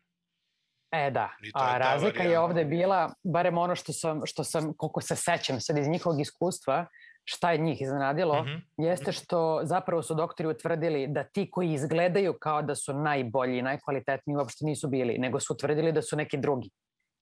I te drugi su izabrali. I ta oplodnja je uspela. Oni su nekoliko puta pre toga išli ne u Americi, nego u Evropi. Mhm. Da, to je bila razlika. Nije ni važno, u svakom slučaju da, ali sve, sve to je um, prosto deo te atmosfere u kojoj živiš bez stresa. Dakle, ja sam recimo dobila taj jelovnik za diabetes, ja nikad u životu bolje nisam jela. Mhm. To je bilo i ugljenih hidrata i svega, prosto jedna raznovrsna ishrana. Merila sam svoj šećer, više nijednom nisam otišla u bolnicu, nisam videla više nijednog doktora, tokom celo trudnoće nisam videla doktora osim svoje babice. Sve nekako mnogo opuštenije. Mhm. Znaš, nema potrebe za, za stresom, nema potrebe za frkom, za trkom. Znaš, u Beogradu sam stalno živjela u nekom, ne, neka stiska s vremenom, neš, nešto moram da završim. Zato što gomila stvari koje moram da završim a, iziskuje tri puta više vremena nego što bi mi realno trebalo da je sistem uređen. A, drugo, kultura života je drugačija ovde. Sad recimo ako poredim Beograd i Vancouver i onda razmišljam šta je meni često pravilo stres u Beogradu. Pravilo mi je stres što nemam mesta za parking kada završam obaveze. To, to onako potpuno glupo zvuči, ali činjenica je. Kad ti kreneš do MUPA, evo sad ako razmišljamo o vađenju dokumenta, nađi parking na Vračaru. Kreneš do a, lekara, a nađi parking u Narodnog fronta. A Vancouver, recimo, ima isti problem. Parkinga nema nigde. Mislim, ima naravno, a drugo to što ima je skupo kao otrov. Sat vremena parkinga u centru Vancouvera je 4 dolara, od 4 do 8 dolara. Mhm. Znači, baš ko mora se vozi i ostaju ljudi na po 15-20 minuta, ali kultura takva da ti kad ideš u centar, kad imaš neke obaveze, ti znaš da ćeš ići prevozom, ostaviš sebi prostora. Ne isplaniraš još pet obaveza u tom danu, nego isplaniraš tu jednu. Naučiš da, da, da živiš sporije, naučiš da poštoš svoje vreme. I baš sam u, u, u poslednjem videu um, 10 razloga protiv imigracije pričala o tome da ljudi ovde mnogo više poštuju svoje vreme. Mm -hmm. Ovde nema tog onog što mi volimo, a to je da mi sedemo na kafu pa završimo na večeri. Mm, neće im biti glupo da ti kažu ne vremena za kafu. Možemo da se vidimo šta je danas. Koji je? 17. april? Jel? Danas je uf, 20. april. Uh, um, vidimo se sutra. Ajde vidimo se sredinom maja. Da, e, ali to je recimo, to je, to je Laza a, Džamić pričao kad je došao iz, iz Londona da su oni živjeli u Excelu. Da je to njima bio problem da su zbog toga želeli da se vrate u Srbiju inicijalno. Evo, su, da. a sutra preko sutra puštam a, a, podcast sa njim gde se oni sada posle pet godina vraćaju nazad. Vraćaju se? Da. Jer Što oni, se vraćaju? A, primarno zato što njihova čerka želi da upiše muzičku akademiju gde postoji smer koji bi ona želela, to je primarno, ali generalno pet godina im je bilo dovoljno da resetuju sebe u Srbiji i da, da naprave neki drugačiji fokus, a upravo neke stvari u Srbiji im smetaju. Recimo, oni smatraju Srbiju, a, odnosno Beograd, lakšim za organizovanje u odnosu na London. O, pa mogu da zamislim, mislim, ako porediš Beograd i London, Pa dobro, poredim Beograd, London i Vancouver, to su moji sagovornici. Nije, nije isti vibe uopšte. Vancouver je jedan vrlo uh, mali, miran grad u, u odnosu na, da, na ali, London. ali generalno ja mislim da, da je sve stvar e, organizacije i sa druge strane moraš da razumeš i to da vi imate svoj nukleus iz koga funkcionišete, vas troje funkcionišete tako sa svojim obavezama, ja verujem da ste vi stekli neka poznanstva i neka prijateljstva. Kako ali, nismo, pa Ali naravno. ne onakva kakva imate u Beogradu. Ne. Znaš, A- i roditelji, i dugoročni prijatelji, koje, daš, probaj Pa nekog... to je jedino što ti probaj- fali za uvek, Ali ja probaj mislim. nekog prijatelja u Beogradu da zakažeš za viđenje sredinom maja. Šta će ti kaže? Znaš, A vidi, ali to ne znači da ćete se vid- videti realno pre sredine maja. To je moje iskustvo, dakle, kad sam bila apsolutno ne znači, pa naravno. Da, poslednji put, Kulirat ćemo, kulirat ćemo, kulirat ćemo, kulirat ćemo, pa ćemo na kraju da se vidimo sredinom maja, umesto da smo se odmah dogovorili da se vidimo sredinom maja. tako što je. ima više je. smisla, ali mi ćemo se čujemo pet puta i da ne možemo i da onda šesti put se vidimo sredinom maja ili juna. E, a možda ćete umeđu vremenu i da odustanete. Znaš, kao, aj, ne mogu više da zovem, ovaj uvek nema vremena. Ima i toga. Onda nije prijatelj. Prijatelj A onda nije prijatelj, sad pričamo A, o onim prijatelj. nekim poznanicima koji bi kao trebalo da ti postanu prijatelji. Pa dobro, pa vidiš koliko neko ozbiljno želi da se vidi sa tobom ili ne. Dobro, to jeste, zaista. Ali pazi, to, je to da, mislim, prijatelji, roditelji, porodice, to je nešto što ti zauvek nedostaje kao imigrantu. I lakše onima koji su u Evropi, pa mogu da dođu češće kući ili da im neko dođe u posetu. Kanada je na kraju sveta, karte su skupe, treba dobiti vize. Ljudi nemaju novca da putuju u Kanadu. Si Mislim, razmišljala o Novom Zelandu? Mislim, ako si žela da pobegneš, možda, Ne. se- možda je trebalo dalje. Da ti kažem nešto, baš, si, nažalost, Nikola jeste razmišljao. baš ste odabrali lokaciju koja je ono... Mislim, divna Nikola- lokacija, ali je baš, ono, baš ste daleko. Kako nam se zalomilo? Ja nisam znala uopšte gde je Vancouver pre nego što sam došla. Nisam znala kako izgleda Vancouver. Moja prva slika na Google-u, kad sam googlala Vancouver, bio je, bila je slika kineske četvrti. Ja sam u Dobro. fazonu, a, ok. Lepa je bila slika, znaš, kao razglednica neka, ono, kineska četvrt. Kasnije sam saznala da je kineska četvrt u Vancouveru a, treća po veličini u Americi, jedna od najlepših i predivna je zaista. A, ali nisam pojma imala kakav je ovo grad, gde ja dolazim uopšte. Ja sam imao ono, prvi osjećaj, prvo neko razmišljanje o Vancouveru mi je bilo, pošto sam kao geografski to znao, i onda kad sam, e, kako sam ja to sve zamišljao, dok nije postao Google Maps, gde si mogao ono, apsolutno sve da gledaš, ali otprilike sam kao znao gde se nalaze gore levo u ćošku mape. O, ja sam mislio da su u stvari Vancouver i Seattle spojeni i da između je e, američka i kanadska granica, znaš. Tako negde... Pa skoro jeste tako. Pa meni je takva bila neka slika u glavi, kao to je jedan grad koji ima u, u svojoj sredini granicu, tako sam ja to zamišljao. Seattle nam je sat i pa vremena odavde. Opa, eto, ko, ko ja do Kikinde. Da, granica ima, mislim, delo Vancouvera mislim, koji su maltene na granici sa Amerikom. Da. Vidiš, uh, mi smo, e, ja sam u stvari, uh, ja sam emigrirao iz Vršca praktično pre više od 20 godina sad. I kada, kada se stalno, kada se razmišljalo o inostranstvu, ja sam uvijek bio u fazonu, pa gde ću sad da počinjem opet iz početka? Jer ja sam nekako i Beograd doživljavao po, e, počinjenjem iz početka. Za nekoga ko dođe iz, iz provincije je i Beograd da na neki način... Znaš, ti dosta pričaš o toj o toj frekvenciji, o toj komunikaciji. Ako ne radiš previše sa svojim rodnim gradom, ukoliko nemaš previše kontakata i svega toga, ukoliko jako puno zavisi koliko si kontakata napravio na nove lokaciji. Mm -hmm. Jako puno Ali za, zavisi. Za sve da to je potrebno si... vreme. Da, da, da. Da. Znaš šta, ima, postoji nešto, a pa jeste, upravo si prelazak iz grada u grad, ako ne znaš u tom drugom gradu neke ljude je isto kao imigracija potpuno prolaziš kroz sve, sve iste faze. Ne znam da li si video uh, moj video o tim fazama kroz koje prolaze imigranti. Sve se, to ali to mi je bilo fascinantno, to mi baš i pričam, to mi je u stvari bio kontekst. Dakle, uh, najveći broj tih faza sam ja prošao u Beogradu, ne u mhm. Vancouveru. Ja sam to prošao selitbom iz Vršca u Beograd. Tako je. Posle bi ti bilo lakše. Znaš, kad si već to jedno prošao, te bi bilo lakše da prođeš sve to ponovo u Kanadi. Znaš šta te čeka, znaš ili gde god da si hteo da ideš. Ja volim Ali što, ja volim što, često ja, ljudi nemaju snage da za to. Ja volim što ipak mogu da odem, ovaj, što mogu da odem do vršca kad mi se ćefne, a to je jedini, da. jedini problem. Zato ja sam uvek u, u bilo kako, čak i hipotetičkom razmišljanju odlaska negde, uvek sam razmišljao o nekom ono, da tu bude blizu, da ja mogu ipak da, da se vratim kad ja hoću.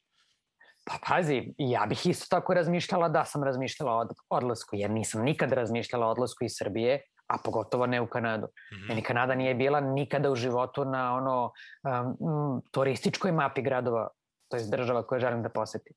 Svuda bi otišla pre nego u Kanadu i Ameriku. Šta ima da se vidi u Kanadi, mislim, ok, ono, lepa priroda. Ali ima da se vidi. Dobro, unikatna I... priroda, mada lepe prirode u principu može da se, lepa priroda može da se nađe svuda. Ja sam nešto gledao u nekom trenutku neke doline, kao najlepše doline su u Kanadi i u Pakistanu, da ne veruješ kao pogledaš posle toga Pakistanu izgleda kao Kanada, onaj deo koji se između Kašmira i ovih Himalaja. Da, pa mi ovde imamo u, u BC-u imamo jedan pojas, ono pustinske klime, koji je u nekoj ravni, čak i čini mi se sa Vancouverom, gde je potpuno kao pustinji. Tako da... Ko bi rekao za Kanadu. Pa da. A s druge strane imamo ono Yukon uh, gde možeš da odeš i posmatraš polarnu svetlost. To mi je recimo sad ono sledeće na, na listi. To bi bilo sjajno. Putovanja jednog dana kad nam dignu ove zabrane. Aj, da, da se to snimi. Da. A... I polarna svetlost može iz Vancouvera da se vidi nekad. Ali to baš moraš ono da potrefiš to... uh, tu noć i poziciju sa koje može da se vidi. Ali ti bi morala i da snimiš, onda ti to ne bi bilo dovoljno. Tako pa, da ipak bi, da, da priđeš ti to malo da snimiš. Kad smo već kod ovih svih snimanja, uh, meni su oni priluzi koje sam ja uspeo da pogledam do sada, trudim se da pratim redovno, stvarno sjajni. Kako to ide? Jako mnogo ljudi ovde se trude da prave sadržaj odavde za globalno tržište, a ti si rešila da iz Kanade praviš sadržaj za srpsko tržište, tako da taj deo mi je malo onako opet inverzan, opet si napravila mm. nešto što nisu napravili ljudi do sada, a, kao a, nešto što ti do sada nisam rekao, a, najzanimljiviji su mi oni prilozi gde imaš goste, naše ljude koji žive u Kanadi, znači uh, mislim da, da takve priloge pronalaženje naših ljudi koji su odrasli u Kanadi bi bilo sjajno i mnogo više njihovih nekih komentara. Kako to sve funkcioniše, kako ti to ide, koji su ti tu planovi, šta misliš da se uopšte gleda i ide li taj YouTube? Prvo, hvala ti na sugestiji i na lepim rečima. I da, ostala sam ti dužna, zapravo to ti je još pitanje od pre pola sata, otkud YouTube i sve to. Um, Dakle, napravila sam kanal u trenutku kad sam shvatila da kao dopisnik za RTS ja nemam dovoljno prostora da pustim sve te priče koje su super i koje bih volala da ispričam. Ja sam u tom trenutku slala jednom nedeljno priče za jutarnji program I to je bilo jako naporno, upravo zato što su televizijske priče drugačije, ti moraš da imaš nekoliko sagovornika, um, što je produkcijski za mene samu jednom nedeljno gotovo neizvodljivo na duže staze. Prvo uopšte pronaći sagovornike u gradu koji ne znaš, a, dogovoriti sa njima snimanja u kulturi gde je okej okay da se dogovorimo za dve, tri nedelje. Um, I onda na kraju čak to sve snimiti i izmontirati. Tako da je to meni bilo jako stresno, ali sam shvatila da uprkos tome postoji mnogo više priča koje hoću da ispričam nego što ima prostora u jutarnjim. A, zato što na primer, priča koju si pomenuo, specijalta i o beskućnicima, ja sam to ponudila još prošle godine um, urednicima u jutarnjem, oni zato nisu bili zainteresovani, što je i razumljivo, mislim, znaš, kao to stvarno nije tema koja bi m, zanimala gledaoce jutarnjeg programa u Srbiji. Vrlo je specifično. Ova, ali ja sam tu priču htela da ispričam.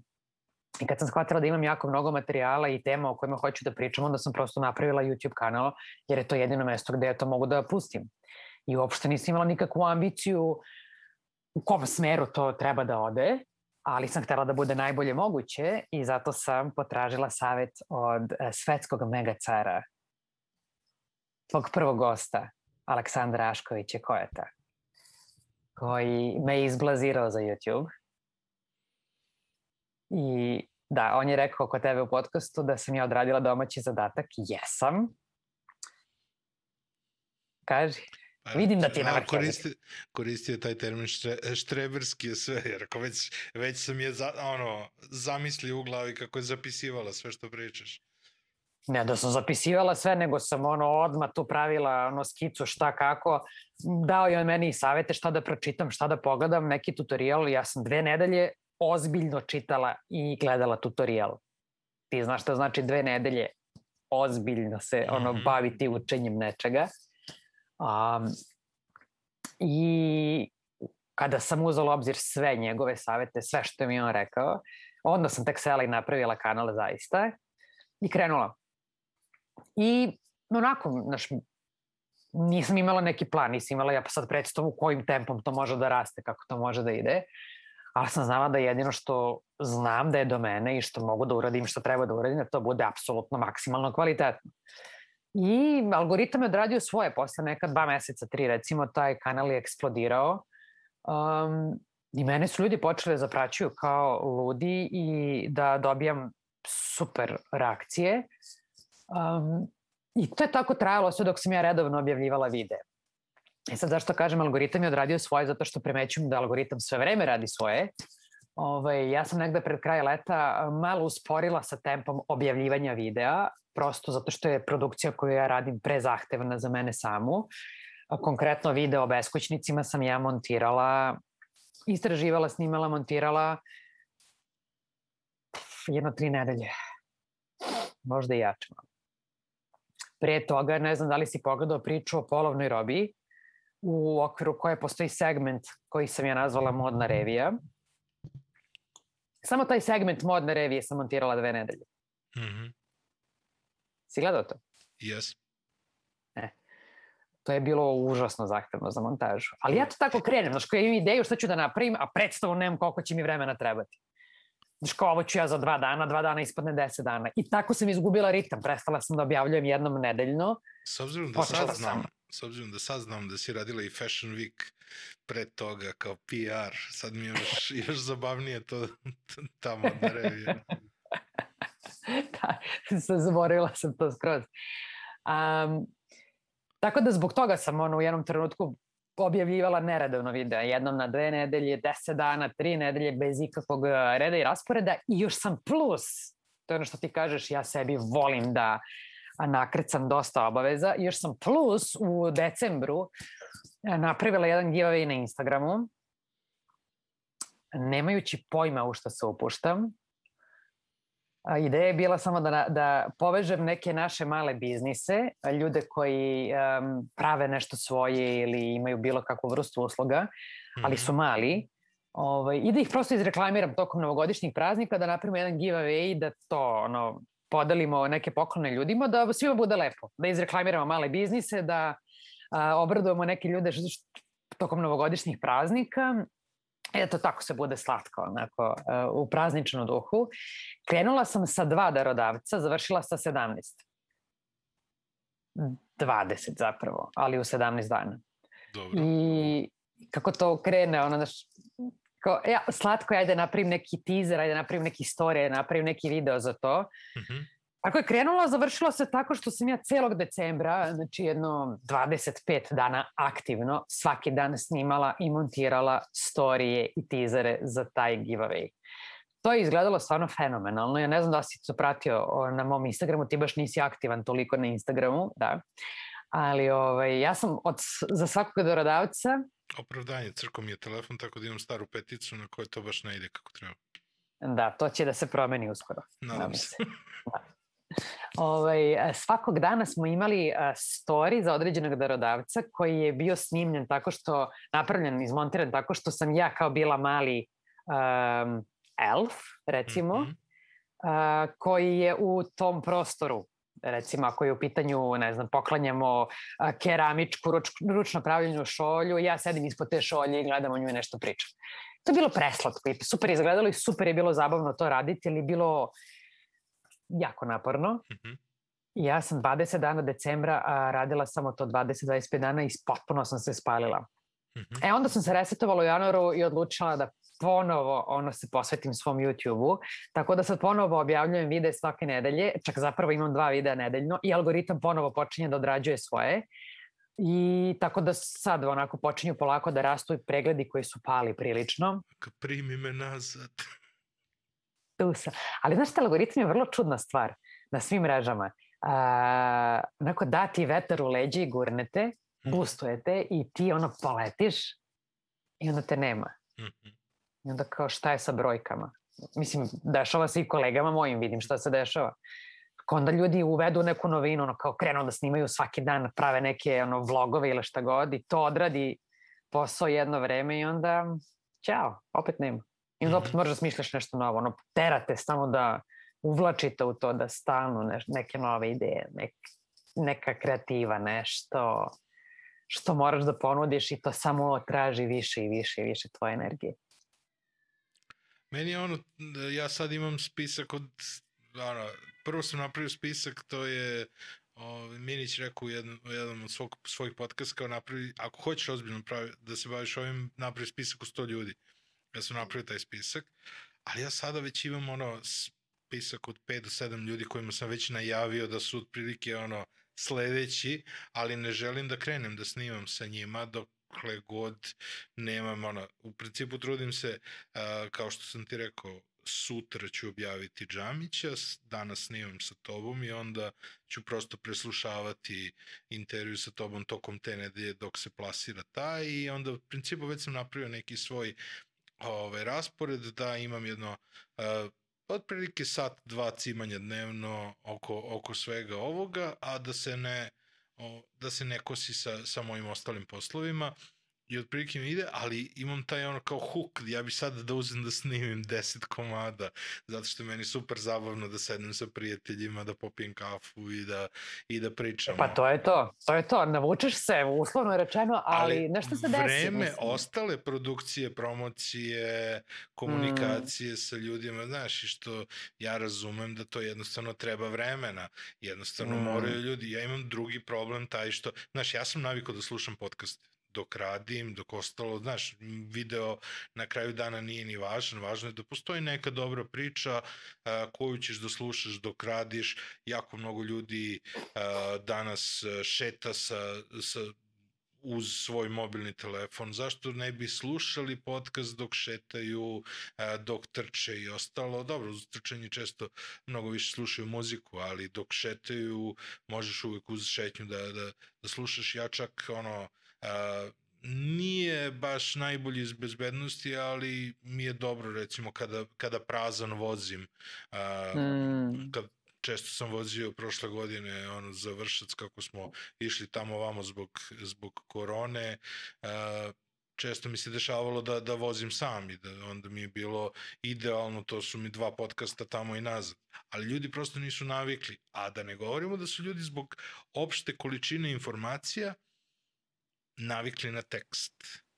Mm. Zato što to je jedan od komentara koji sam i dobio na, na, na podcast, da, da ljudima ipak više prija tekst. Zašto? Pazi sad. Zato što mogu da pretrče sadržaj i da samo pronađu, da, da iskoriste malo svog vremena koje imaju, da iskoriste malo onog prostora. I isto tako dugačak, Ima i toga. dugačak format je izuzetno vredan, ali sa druge strane je problem ljudima što treba da odvoje tu onda porciju svog vremena da bi to nešto Tačno. i odgledali ili odslušali. Tačno, ali kao što ti kažeš, znaš, ako je nešto interesantno nekome i ako taj neko hoće da čuje, on će to vreme da nađe. Pa da. Mislim, isto kao što će prijatelj da nađe vreme za tebe da se vidite, tako će neko i da nađe da odsluša ono što žele da čuje. Pa da, i meni Svaka roba, generalno... roba ima svog kupca. Ali to je zamka jedna, mislim, vidiš, sad kad kažeš ono, mnogo vremena treba za, za postprodukciju i za komunikaciju i za sve. A, meni Ašković rekao, a, YouTube je kuluk kad sam krenula. Samo nemoj da zaboraviš. Ne da je bio pravo, kao i za sve što je bio pravo. Mm -hmm. a, njegovi su saveti mi najdragoceniji koje mogu da dobijem i, i s radošću ih primenim. Ovaj, uh, vidiš, recimo, ono što sad, da se nadovežem na ono što sam ti rekla, da sam uvek bila dobar đak i uvek sam upijala tuđe znanje ljudi kojima verujem. Mm -hmm. A, recimo, i mi smo imali neke konsultacije nedavno i on mi je rekao, što ne napraviš pregled nedelje na YouTube-u, Uh, to je nešto što ljudi u principu vole da vide, uh, zato što ima jako mnogo različitog sadržaja forma je vloga, da, da napravim pregled nedelje od mojih e, storija sa Instagrama, da napravim jedan video koji ću da pustim na YouTube-u. To je bilo pozorno onako malo, nije mi baš to forma, i meni lično i televizijskom čoveku kome nije sve onako kadirano kako treba, forma Instagram storija na YouTube-u ne bi baš možda pila vodu. On kaže probaj, mislim da to nije loša ideja uopšte. Ja kažem dobro. I napravim to. Mm -hmm. Dakle, uprkos onome što mislim ja lično to možda ne bi prošlo meni, mm -hmm. ali napravim i pustim i ljudima se jako dopadne. I onda shvatim i ja da sam ja u krivu zapravo, da ja ne mogu da procenim. Znači sad to su ti te neke ono dragocene stvari uh, koje možeš da čuješ od iskusnih ljudi. Evo, zato ja tebi sad iskusno kažem, uh, lako može da se desi da ti um, u jednom trenutku shvatiš da ti nemaš gosta za sledeću nedelju, zato što je nova godina. Gost se razbolao, mora hitno da putuje. Sad, lakše ti je verovatno što imaš spisak nekih ljudi kojih možeš da nazoveš. Mm -hmm i da, da snimiš nešto u zadnjem momentu, ali meni je to recimo veliki problem. Ja isto uvek imam spisak tema kojima hoću da se bavim, ja uvek imam u rezervi čak. I kad nisam izbacivala redovno videe, ja sam uvek u rezervi imala bar tri snimljena kojima treba montaža. Mm -hmm. I onda je bilo kao da li da sad pustim ovo, a nije mi u planu, mimo plana je ili da se bacim na montažu ovog, što, znaš, ono, to su stvari koje učiš u hodu, ali jako je mnogo posla i kulog, YouTube je zaista kulog. Komunikacija sa, sa ljudima, odgovaranje na poruke, mailove, komentare, moderiranje sadržaja, mm -hmm. a, vrisanje komentara koji nisu pristojni i ostalo. Meni je to znalo nekada da oduzme po šest sati u toku jednog dana. A tu nisi poslušao Alškovića da svaki komentar valja, čak i oni koji on obožava kada ga hejtuju. Ja, ja pustim isto hejterske komentare. Nemam ja problem sa, sa hejterima koji imaju neke argumente, ali moj kanal specifičan zato što vrlo je, vrlo je čudna niša mm -hmm. i u početku je bilo dosta ljudi koji su ovde decenijama I to ti kao ona stara generacija na poslu, kad im smeta ono što dođu klinci, je tako je njima zasmetalo što je došao neko prekjuče i sad se pravi pametan u Kanadi, pa su oni hteli da ovaj, uh, podele svoje znanje, što je sjajno, ali je to bilo dosta ljudi koji su bili onako neargumentovano u lošem nekom um, raspoloženju za komunikaciju i onda su znali tako da ne samo hejtuju mene, da ostavljaju neke ružne komentare, nego čak da ulaze u takvu komunikaciju sa drugim ljudima koji, koji komentarišu. Aha, a ja to ne dozvoljavam. To je neka kom hm? komunikacija sa prezrenjem, otprilike. No, treba znala da bude komunikacija sa šta ti praviš pametan ili, znaš, ono, i bile su i psovke i um, provokacije i svega je bilo. E, takve komentare ja ne dozvoljavam, zato što hoću da moj kanal bude sigurno mesto za sve ljude koji žele da komuniciraju tu. To je jedna zajednica koja komunicira pristojno. Mm -hmm. Ja dozvolim komentare, ima, mislim, uvek ima neki komentara na nekim malo osjetljivim temama gde se ljudi dopisuju, pa tu se razvije neka diskusija, pa se neko slaže, neko ne slaže, bude argumenta i kontraargumenta i meni je to skroz u redu. Ali ne dozvoljavam komunikaciju koje bilo ko omalovažava drugog. Um, Evo, ne, najsvežiji primer, neka gospođa je meni još letos pisala um, komentare koji su bili onako s visine i znaš, nadobudni i dosta ružni i ja sam odgovarala na te njene komentare pristojno i ljubazno, dok ju u jednom trenutku nisam rekla uz komentar da napomena da mi još nismo prešli na ti. Ja njoj persiram sve vreme, ona meni ne persira. Znaš, to su te neke ružne ono finese, kad ti neko ne persira, ti mu persiraš, pa se on sad kao postavlja iznad, on tebi ne mora da persira, a zapravo ne vas pitan. Takve stvari ne dozvoljavam. I napomenula sam joj da ja njoj persiram i da očekujem isto od nje. I ona se valjda iznervirala i obrisala je to svoj, svoj inicijalni komentar i nestala je cela prepiska. I bila je tiha do pre neki dan dok nije ostavila komentar, ne čak ni meni, Dobro. nego je napisala komentar na tuđi komentar a, i sledeći put koji glasi otprilike, a, vi biste sledeći put trebalo da budete pismeni i da napišete komentar sa zarezima tačkom, nešto, ono, potpuno bez veze činjenica da taj komentar na koji on odgovorila jeste bio nepismen, osoba je pisala bez ta zareze i tačke, ali kako ti kažem, nisi ti bre ovde nikakva policija koja dolazi na moj kanal da vas pita druge ljude kako će da pišu. Ko ti je dao tu dozvolu? Ako ja nisam osoba koja um, se bavi stvarima, neću da se bavim time, sad da li je neko pismen ili nepismen, ako mu je namera dobra i ako hoće da komunicira, Možda je taj neko koji je odras, to, osoba koja je odrasla ovde u Kanadi i na kraju krajeva i ne zna interpunkciju našu. Ko si ti bre da dođeš na moj kanal i da nekom ono, držiš lekcije o pismenosti? Ja sam taj komentar obrisala, zato što neću da osoba koja je ostavila komentar se osjeća ugroženo zbog nekog tamo koje je ono, uzeo sebi, dao sebi za pravo da bude ono, pravopisna policija. Znači, ta, te stvari prosto ne dozvoljava ko te u stvari gleda? Znači, to je ono što, ko tebe gleda? Naši koji hoće da odu u Kanadu ili oni koji su već u Kanadi? Svi. Svi. Ja sam mislila da gledaju ljudi koji hoće da odu u Kanadu. Međutim, ispostavlja se da jako mnogo ljudi iz Kanade i Amerike gleda.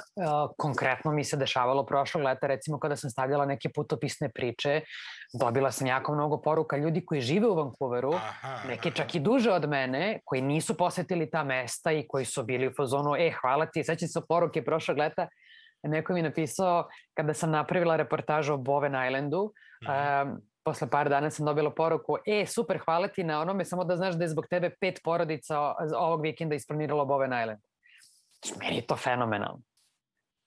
Znači, pa razumem, znaš, na ljudi dođu ovde, imigracija je, ono, ti ne ostavlja mnogo prostora. Ja sam u jednoj vrlo privilegovanoj poziciji, zato što ja ne moram da radim. Ja radim, ali ne moram da radim. Um, i imam prostora da istražujem i taj sam tip, ja volim da istražujem, volim da putujem, ja volim da vidim nova mesta. Ima ljudi koji prosto to ne znaju, koji se boje. Jedna od velikih, da rekla bi da je to velika greška mnogim ljudima koji, koji bilo gde imigriraju, jeste da se drže naše zajednice. Boje se da se uključe u lokalnu zajednicu, ne osjećaju se možda sigurno, možda se osjećaju odbačeno od strane nekih kolega i znaš, kultura komunikacije drugačija i nije teško osetiti se odbačeno i onda se drže naše zajednice i vrlo često ne daju sebi prostore ni prilike da vide zaista sve prednosti društva u kom žive. Dobro, ali to, to nije specifično previše samo srpske zajednice. Mislim naravno da, da nije, ne, naravno. Mislim da je to specifično svake zajednice u, u, u ako bi mogo da kažem, tuđoj sredini. A, da. Da, a, dobro, samo što postoje naravno i ekstremni ekstremni primjeri toga. Ja sam imao situaciju da poznajem čoveka koji je u Švajcarskoj posle 30 godina radnog staža dobio otkaz jer ne zna nemački.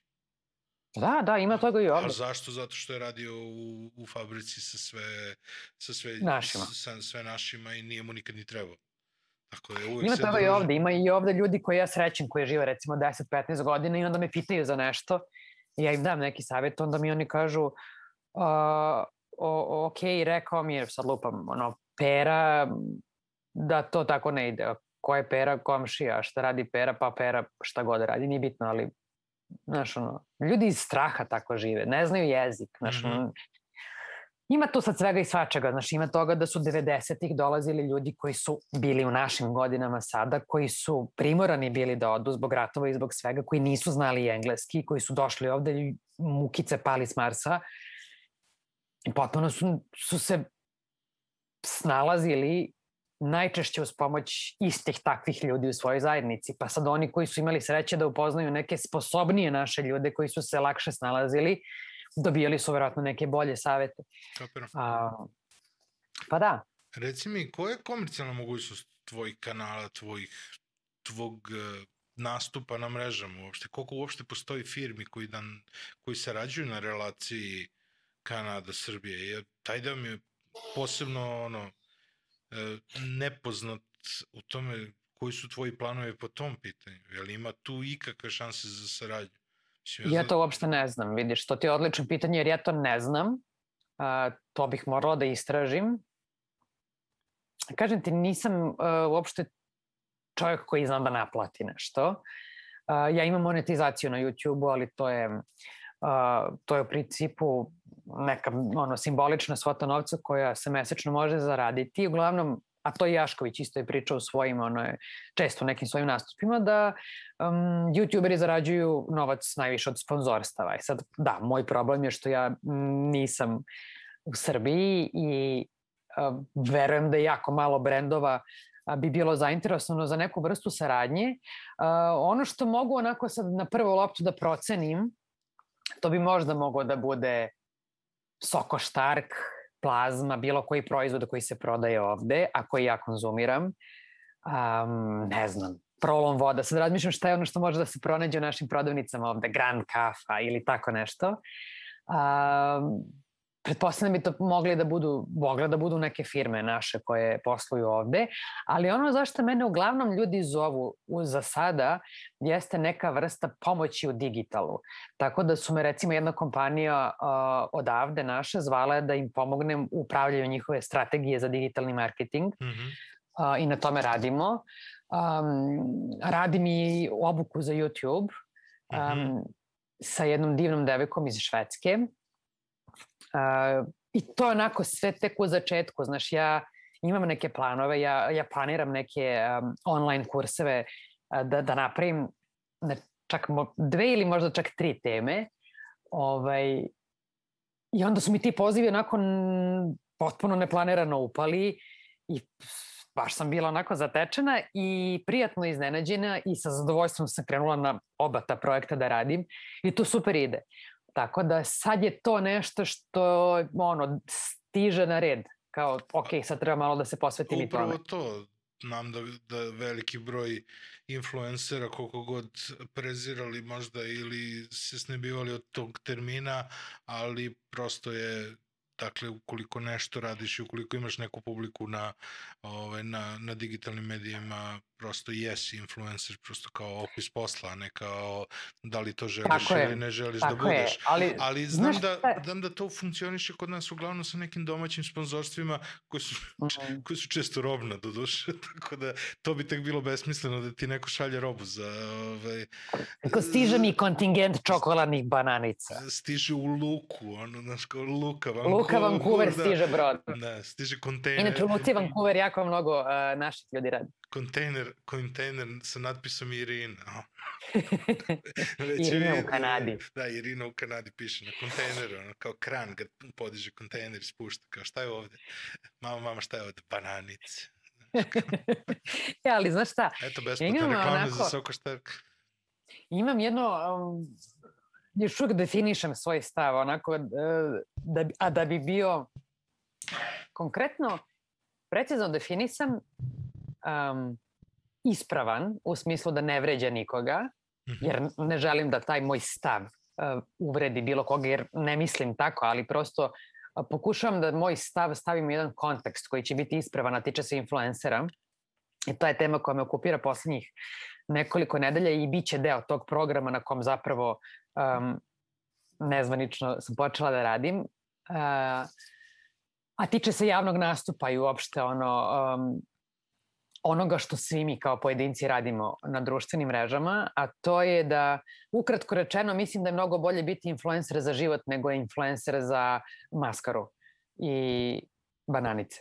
Lepo je to, lepo je kad se ti influenceri za maskaru i za bananice, ako uz to ide i um, neki stav dobar koji ti promovišeš, a tiče se svakodnevnog života. I prilično mi smeta kada vidim da neki naši influenceri potpuno ignorišu jedan deo stvarnosti u kojoj svi živimo. Da se razumemo i Kanada je društvo u kojem ima jako mnogo problema.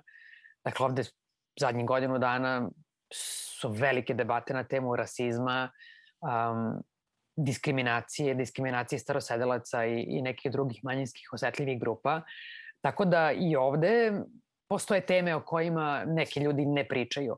I kada pomislimo koje su teme o kojima su ne, se ne priča, uglavnom je to to. To je politika, to su neki ti društveni problemi tog tipa, to je osetljivo, tu se gube followeri, pratioci i ima ljudi koji time neće da se bave. Sa druge strane, postoji uvek i činjenica da ti ne znaš šta ljudi rade u svoje četiri zida.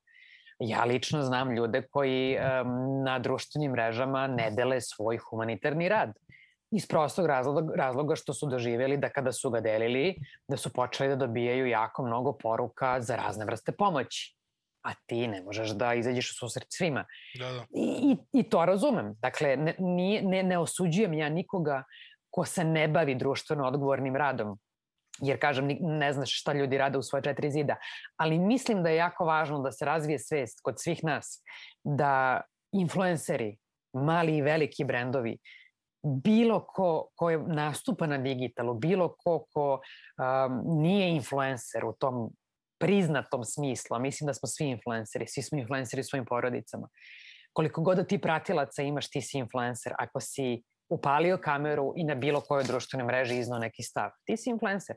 To će da vidi neko iz tvoje porodice. Imao ti tri pratioci ili 3003. Uh, mislim da mora da, da se razvije svest kod ljudi da je važno jako da se zauzme neki stav. Jer smo mi svi građani, digitalni građani. I ako ignorišeš uh, ono što se dešava u tom društvu, to šalje jako pogrešnu sliku da nisi zainteresovan. A trebalo bi da budeš zainteresovan ako si građanin društva u kom živiš, a jesi. Tako da ja kad gledam na društvenim mrežama uh, neki influenceri iz Srbije, vrlo često pomislim da oni žive u Kanadi, a ja u Srbiji. Mm -hmm. Znači, kada vidim kako se to živi i da se tu potpuno ignorišu neke pojave. Ne moraš ti da budeš glasnogovornik bilo kak pokreta, niti da preuzimaš neku inicijativu, niti da sad budeš teš, teški neki aktivista. Mm -hmm. Ali mislim da ne smeš da potpuno ignorišeš. A mnogi ljudi potpuno ignorišu i, i mislim da je najveća zamka toga što to onda šalje sliku pratiocima da je to normalno i da je to u redu. Znaš, ja ne mogu da, da ono, prihvatim da živim u društvu u kom rastu moja deca, mm -hmm. deca mog brata, mojih ono, rođaka, moji mali bratanci, bratanice, koji žive u svetu u kom će steći utisak da je normalno, ti nemaš stav o nečemu što se dešava u tom društvu, a što nije dobro. To nije normalno. Osim u jednom scenariju. A to je scenariju u kome ti je stav da nemaš stav. Ne možeš da nemaš stav. Možeš da imaš ne, ne možeš. Ne, možeš da imaš stav da želiš prosto da ignorišeš, da ne želiš da te ne želiš da da pričaš o nisi tome. Nisi onda odgovoran. Nisi odgovoran. Ne, ne, uh... nisi odgovoran, ali ti je stav da ne želiš da budeš odgovoran i da jednostavno ima uh, ja generalno imam utisak da svako treba da, da, da ima svoj neki pogled na, na, na svet, ali treba da, da, da javno stavi do znanja. Znači, i za to je potreban disclaimer. Okej, okay Ok. Znači, ja, Tačno, ja želim se. da gledam lepo na život, ne interesuje me ako je u Srbiji loše i to što svi pričate da je loše, ja želim da na Srbiju gledam jednim ono, A kako ti kažem, ne ovaj, mislim da ljudi bi trebalo da se posipaju pepelom i da se osjećaju loše ako žive dobro u Srbiji i ako žele da žive lepo. To je potpuno legitimno. Dobro. I treba tako. Ja, ja sam celog života bila optimista. Dobro. Ja sam sve crno pokušavala da pretvorim u belo, ali moraš da ono, prosto, ako ništa drugo, kažeš to. Moj stav je takav da ja biram da živim optimistično i da stvari gledam bele, a ne... To je, to je u redu, mm -hmm. ali, um, kako ti kažem, možda ja preterujem, možda, možda sad je tu moj stav previše na jednoj strani. Ja mislim da svako ko je punoletna osoba i ko je aktivan na društvenim mrežama, bilo kojim, prosto mora da se pokaže kao odgovoran građanin. Pa sad ako si ti rekao da ti ne želiš da imaš stav po pitanju nekih određenih problema, ja želim to da znam, zato što Upravo će to. to uticati na formiranje mog mišljenja o tebi. Jer te neću više smatrati sutra kada iskažeš bilo koji stav uh, onoliko odgovornim koliko bih te smatrala kada bi se bavio društveno odgovornim temama. Ne moraš da se baviš, ne kažem da treba, kažem ti, ne treba svako da bude ni aktivista i niti ima kapaciteta da bude. Ali prosto kažeš ovo je loše i ja priznajem da je ovo loše. I Mhm. priznajem da ovo treba da se menja. End of story. Da, da. Meni je, meni je dovoljno. Upravo to. Znaš, Znači, kao, ok, budi ti influencer i za maskuru i za masku za kosu i ne moraš da imaš stav, ali kaži da ga nemaš, zato što nisi sposoban da ga imaš. Jer se ne baviš time, znaš, no, Mhm. ni, ne, mož, ne možeš da se odrediš prema nečemu. I to je skroz u redu. Ali ne možeš potpuno da ignorišeš.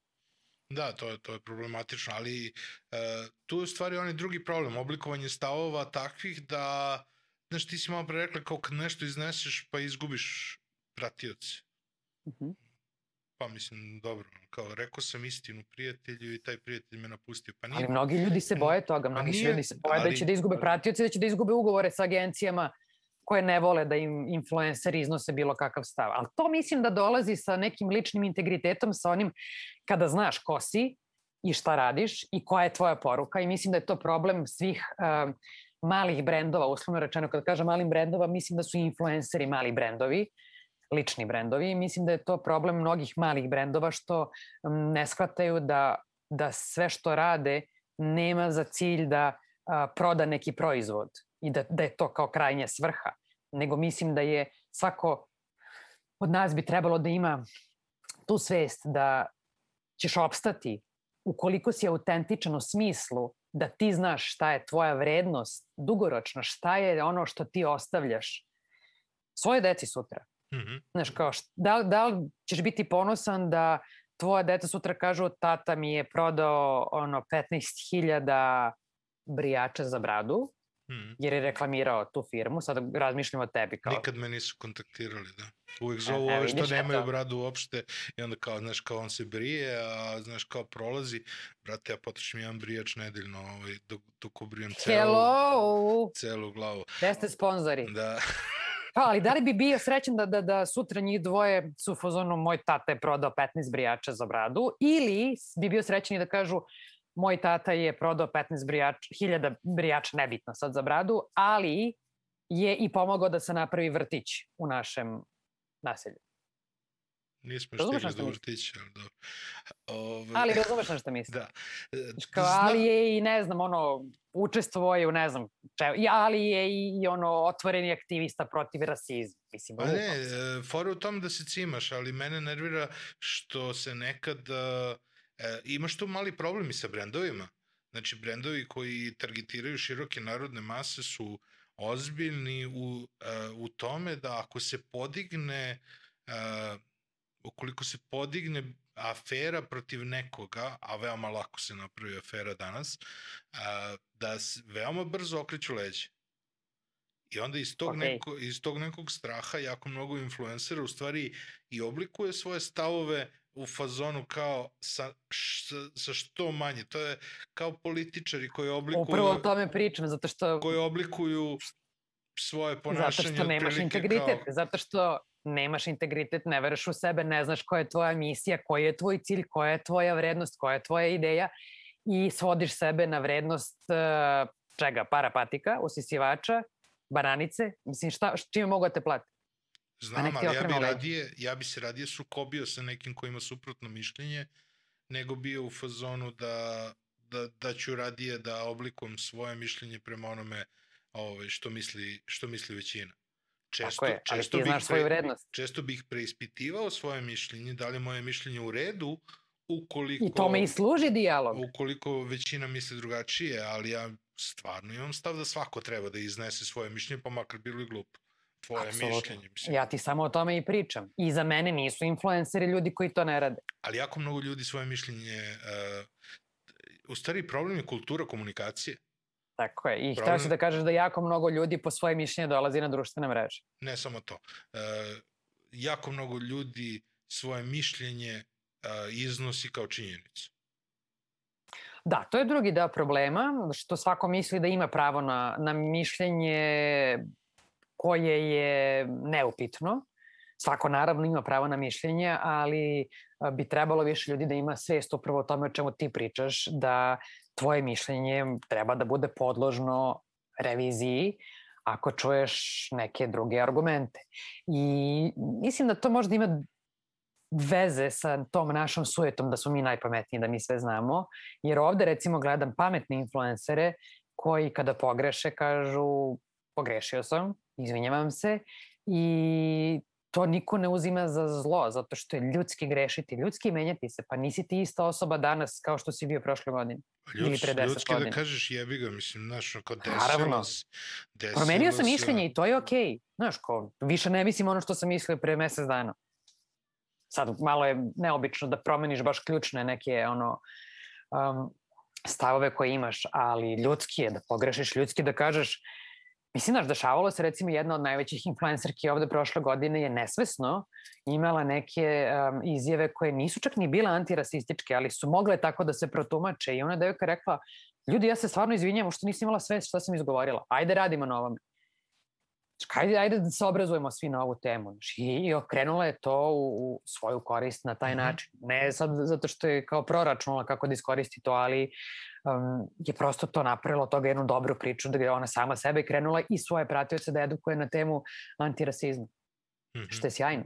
Znaš, s druge strane, um, ti ćeš ovde, sad, sad ne pričamo o onim influencerima koji stvarno izgledaju uh, i žive neki život prodaje proizvoda samo. Mislim, kada pomisliš na Instagram, uglavnom se nažalost on sveo na to zadnjih par godina na prodaju nekih proizvoda. Znaš, kao svi žive u nekim kućama iz magazina i ako imaš mame blogerke koje imaju ono četvoro uredne dece i svi su u belom i sve je prozračno i ništa nije uflekano. Mislim da to vreme polako prolazi i da ljudima treba malo više aktivizma, ali ovaj, ali opet, znaš, ti neki koji su društveno svesni ovde, makar u Kanadi, ti nećeš videti da recimo oni na sebi nose skupe brendove, da reklamiraju skupe brendove bez ono tagovanja, ali znaš kao da se tu provuče Louis Vuitton ili Chanel torbica, uh, jako vode računa o tome zato što um, znaju da većina ljudi koji njih prate ili ne mogu to da priušte ili neće to da priušte, znaš kao to ovde nije bitno, a kod nas viđam da to ljudi bez razmišljanja rade, uh, šaljući neku sliku dobrog života koji možda oni mogu da žive, ali znaš, nije dostupan svima i nepotrebno je. Znaš, ovde će pre da spuste kvalitet svog života koji prikazuju, uh, a kod nas će pre da ga podignu. I, mm -hmm. I mislim da je to jako loše za, za lični branding, ali Ko, ali ko sam ja da ono smatram o tome, nisam stručnjak za digital. Da, to bi možda ti pre mogo da priča. u Kanadi. Lako je tebi. da, da. Da, Ima tu dosta, dosta stvari smo načeli, za ovo smo poprilično zaokružili. Kada dolaziš u Srbiju? To je pitanje na koje niko nema odgovor. Možda Bonnie Henry bi imala. Bonnie Henry je najpoznatija žena u Britanskoj Kolumbiji trenutno. Ona je osoba koja nam saopštava vesti o koronavirusu o, i vodi zapravo, ne da saopšta vesti, jer žena je doktorka, vodi mm -hmm. celu krizu u vezi s koronavirusom. Nagrađena je čak prošle godine bila zato što je Britanska Kolumbija imala najbolju politiku ono, prevencije širenja virusa. A, sada je trenutno raspoloženje takvo da su nam čak zabranili ili će nam sutra, danas sutra zabraniti da putujemo između provincija u Kanadi. O ne, ne između provincije nego a, zdravstvenih regija. To znači da mi recimo iz downtown Vancouvera verovatno nećemo moći da idemo u predgrađe. A mhm. Toronto već živi, ono, Ontario već živi u, u lockdownu, ja mislim, mesecima. Mm -hmm. ovaj, tako da će da nam to verovatno sada uvedu što ne znači da ne može da se putuje van zemlje, ali povratak u Kanadu znači da si tri dana u hotelu za COVID, mm -hmm. gde te prate, testiraju i sam plaćaš to. U početku je to bilo 2000 dolara, trošak po osobi, mislim da i sada je i dalje 2000. I nakon toga si u karantinu u kući. Mi taj luksuz ne možemo da dozvolimo sebi jer držati maksima u kući dve nedelje bi stvarno bio jedan veliki izazov. Virus Tako inside. Da, da. Čim se to sve promeni, eto nas. A kako je situacija ja sa vakcinacijom i sa svim tim stvarima? Kako, A, kako to ide vakcinacija, u Kanadi? ide dobro. Uh, ima i ovde ljudi koji ne žele da se vakcinišu, naravno. Dobro, ima. Um, da, da. U početku smo dobili raspored koji je bio vrlo striktan i po tom rasporedu re- smo recimo mi stigli na red, e, naša generacija, negde u avgustu ili u septembru. E, međutim, i onda se desila ono, desilo da smo imali manjak vakcina, pa smo dobili neke isporuke. Sad je situacija takva da recimo moja generacija, naša, može već da se prijavi Mhm. i mislim da recimo bih ja došla na red, nisam se još prijavila, nisam stigla, možda za dve, tri, četiri nedelje. Mhm. Procenjuju negde da bi naša generacija bila vakcinisana do kraja maja, početka juna. Mhm.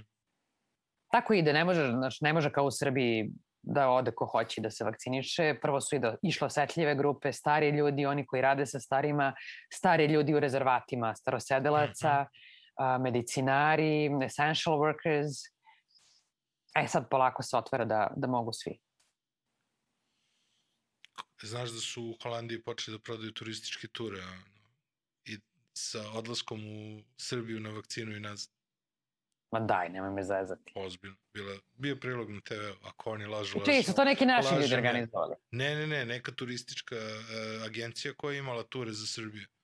I o, između ostalo kao, ali imate vi ture za Srbiju? Kao, pa nemamo zbog korone. Kao, ali mi bismo da, ako možete da organizujete kao opet neku turu, jedino smo vas našli na netu, kao ako biste mogli napraviti turu kao da odemo u Srbiju, da se vakcinišemo i da se vratimo nazad. Kao, A što taj neko ne bi mogao sam da ode u Srbiju? Srbija je otvorena zemlja.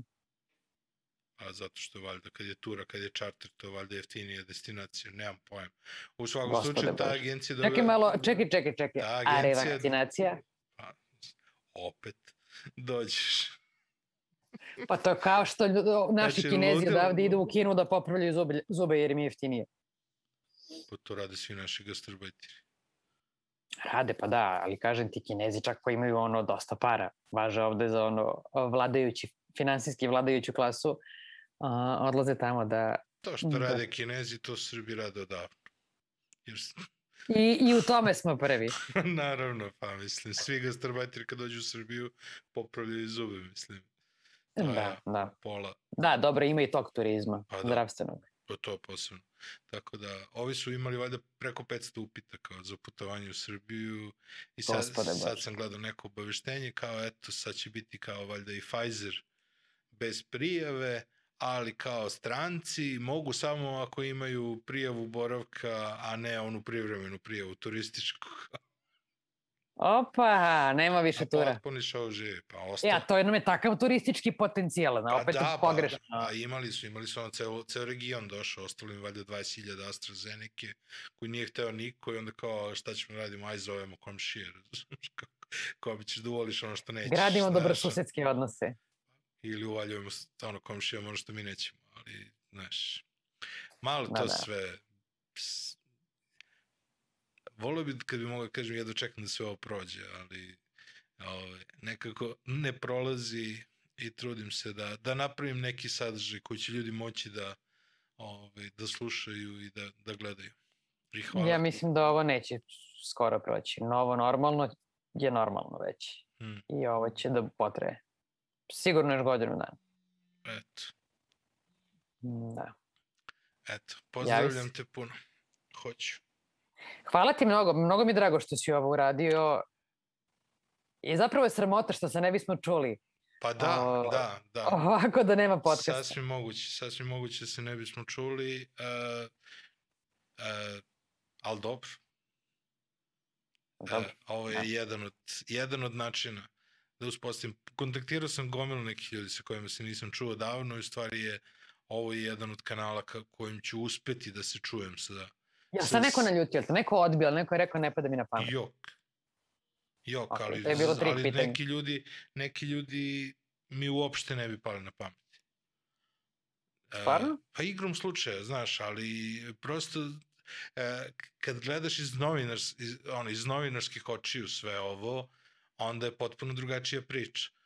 I onda kada Mm. razmišljaš šta je kontekst, o čemu bi želeo da pričaš sa nekim, a, šta je to što želiš da, da pričaš sa nekim slično, i sada, znaš, kao planiram podcast i razmišljam kako bi bilo sjajno da pozovem Andriju Ilić. Jer je na, na televiziji bila serija Porodica o hapšenju Miloševića. An, Dobro. Andrija Ilić je fotograf koji je skočio da fotografiše i u tom trenutku dobio metak u prst. Šta da fotografiše? Dok je bilo hapšenje Miloševića, on je jedini Stvarno? povređen, tokom, valjda jedini povređen tokom tog događaja. On je bukvalno preskakao i to je onaj krvavi fotograf koji je umeđu vremenu se preselio na Farsko ostrvo i ostalo i onda se njega pitao, ej, nismo se čuli 100 godina, vole bi da napravimo podcast da vidim kako je na Farskim ostrovima, Šta radi on na Farskim ostrima i zašto mi nismo tamo? fotografiš. I hoću da ga pitam kako bilo kad je eksplodirao vulkan i tako te neki super O, stvari. predivno. Kad će to da Pa bude? Tako, kači neke blesave fotke, tako. Pa ne znam, ono, znaš, već imam line-up koji, koji sam dogovorio, znaš, sad mi već... Slušaj, ti kažem nešto, ti si takvu lestvicu ono postoje sad u početku visoko, ko imaš ono Aškovića, pa Ivanu, o Ivanu, bože, Jelenu, Zorić, pa Lazara Džamić i ko... Šta ću ja tu posle njih? Šta ja da kažem posle tih ljudi? Nema veze. Važno da nisi govorila neke gluposti i važno da... Ko kaže da ovo- govorio gluposti? Nema veze, ovo je dva sata kvalitetnog programa koji će neko da Okej. odsluša, može nešto da preskoči, a, gde jednostavno ja pričam sa svojim prijateljima, sa ljudima koji imaju šta da kažu. Znaju ko si ti, znaju ko sam ja, jednostavno ljudi žele da odslušaju. Ok, ok, da, samo mi malo bilo ono posle ta tri sagovornika tako kao šta ja sad imam tu da kažem, ali mislim uvek imam šta da kažem, ali kao koliko to hoće neko da sluša. Važno da uvek imam šta da kažeš. I zato mi je i fora da ne, da ne, isp, ovaj, da ne potrošimo baš sve teme. Hoću ponovo da pričamo. U, ok, Ćao. hvala ti. Hvala ti mnogo što si me zvao, stvarno mi je čast. Hvala tebi. I uživala sam.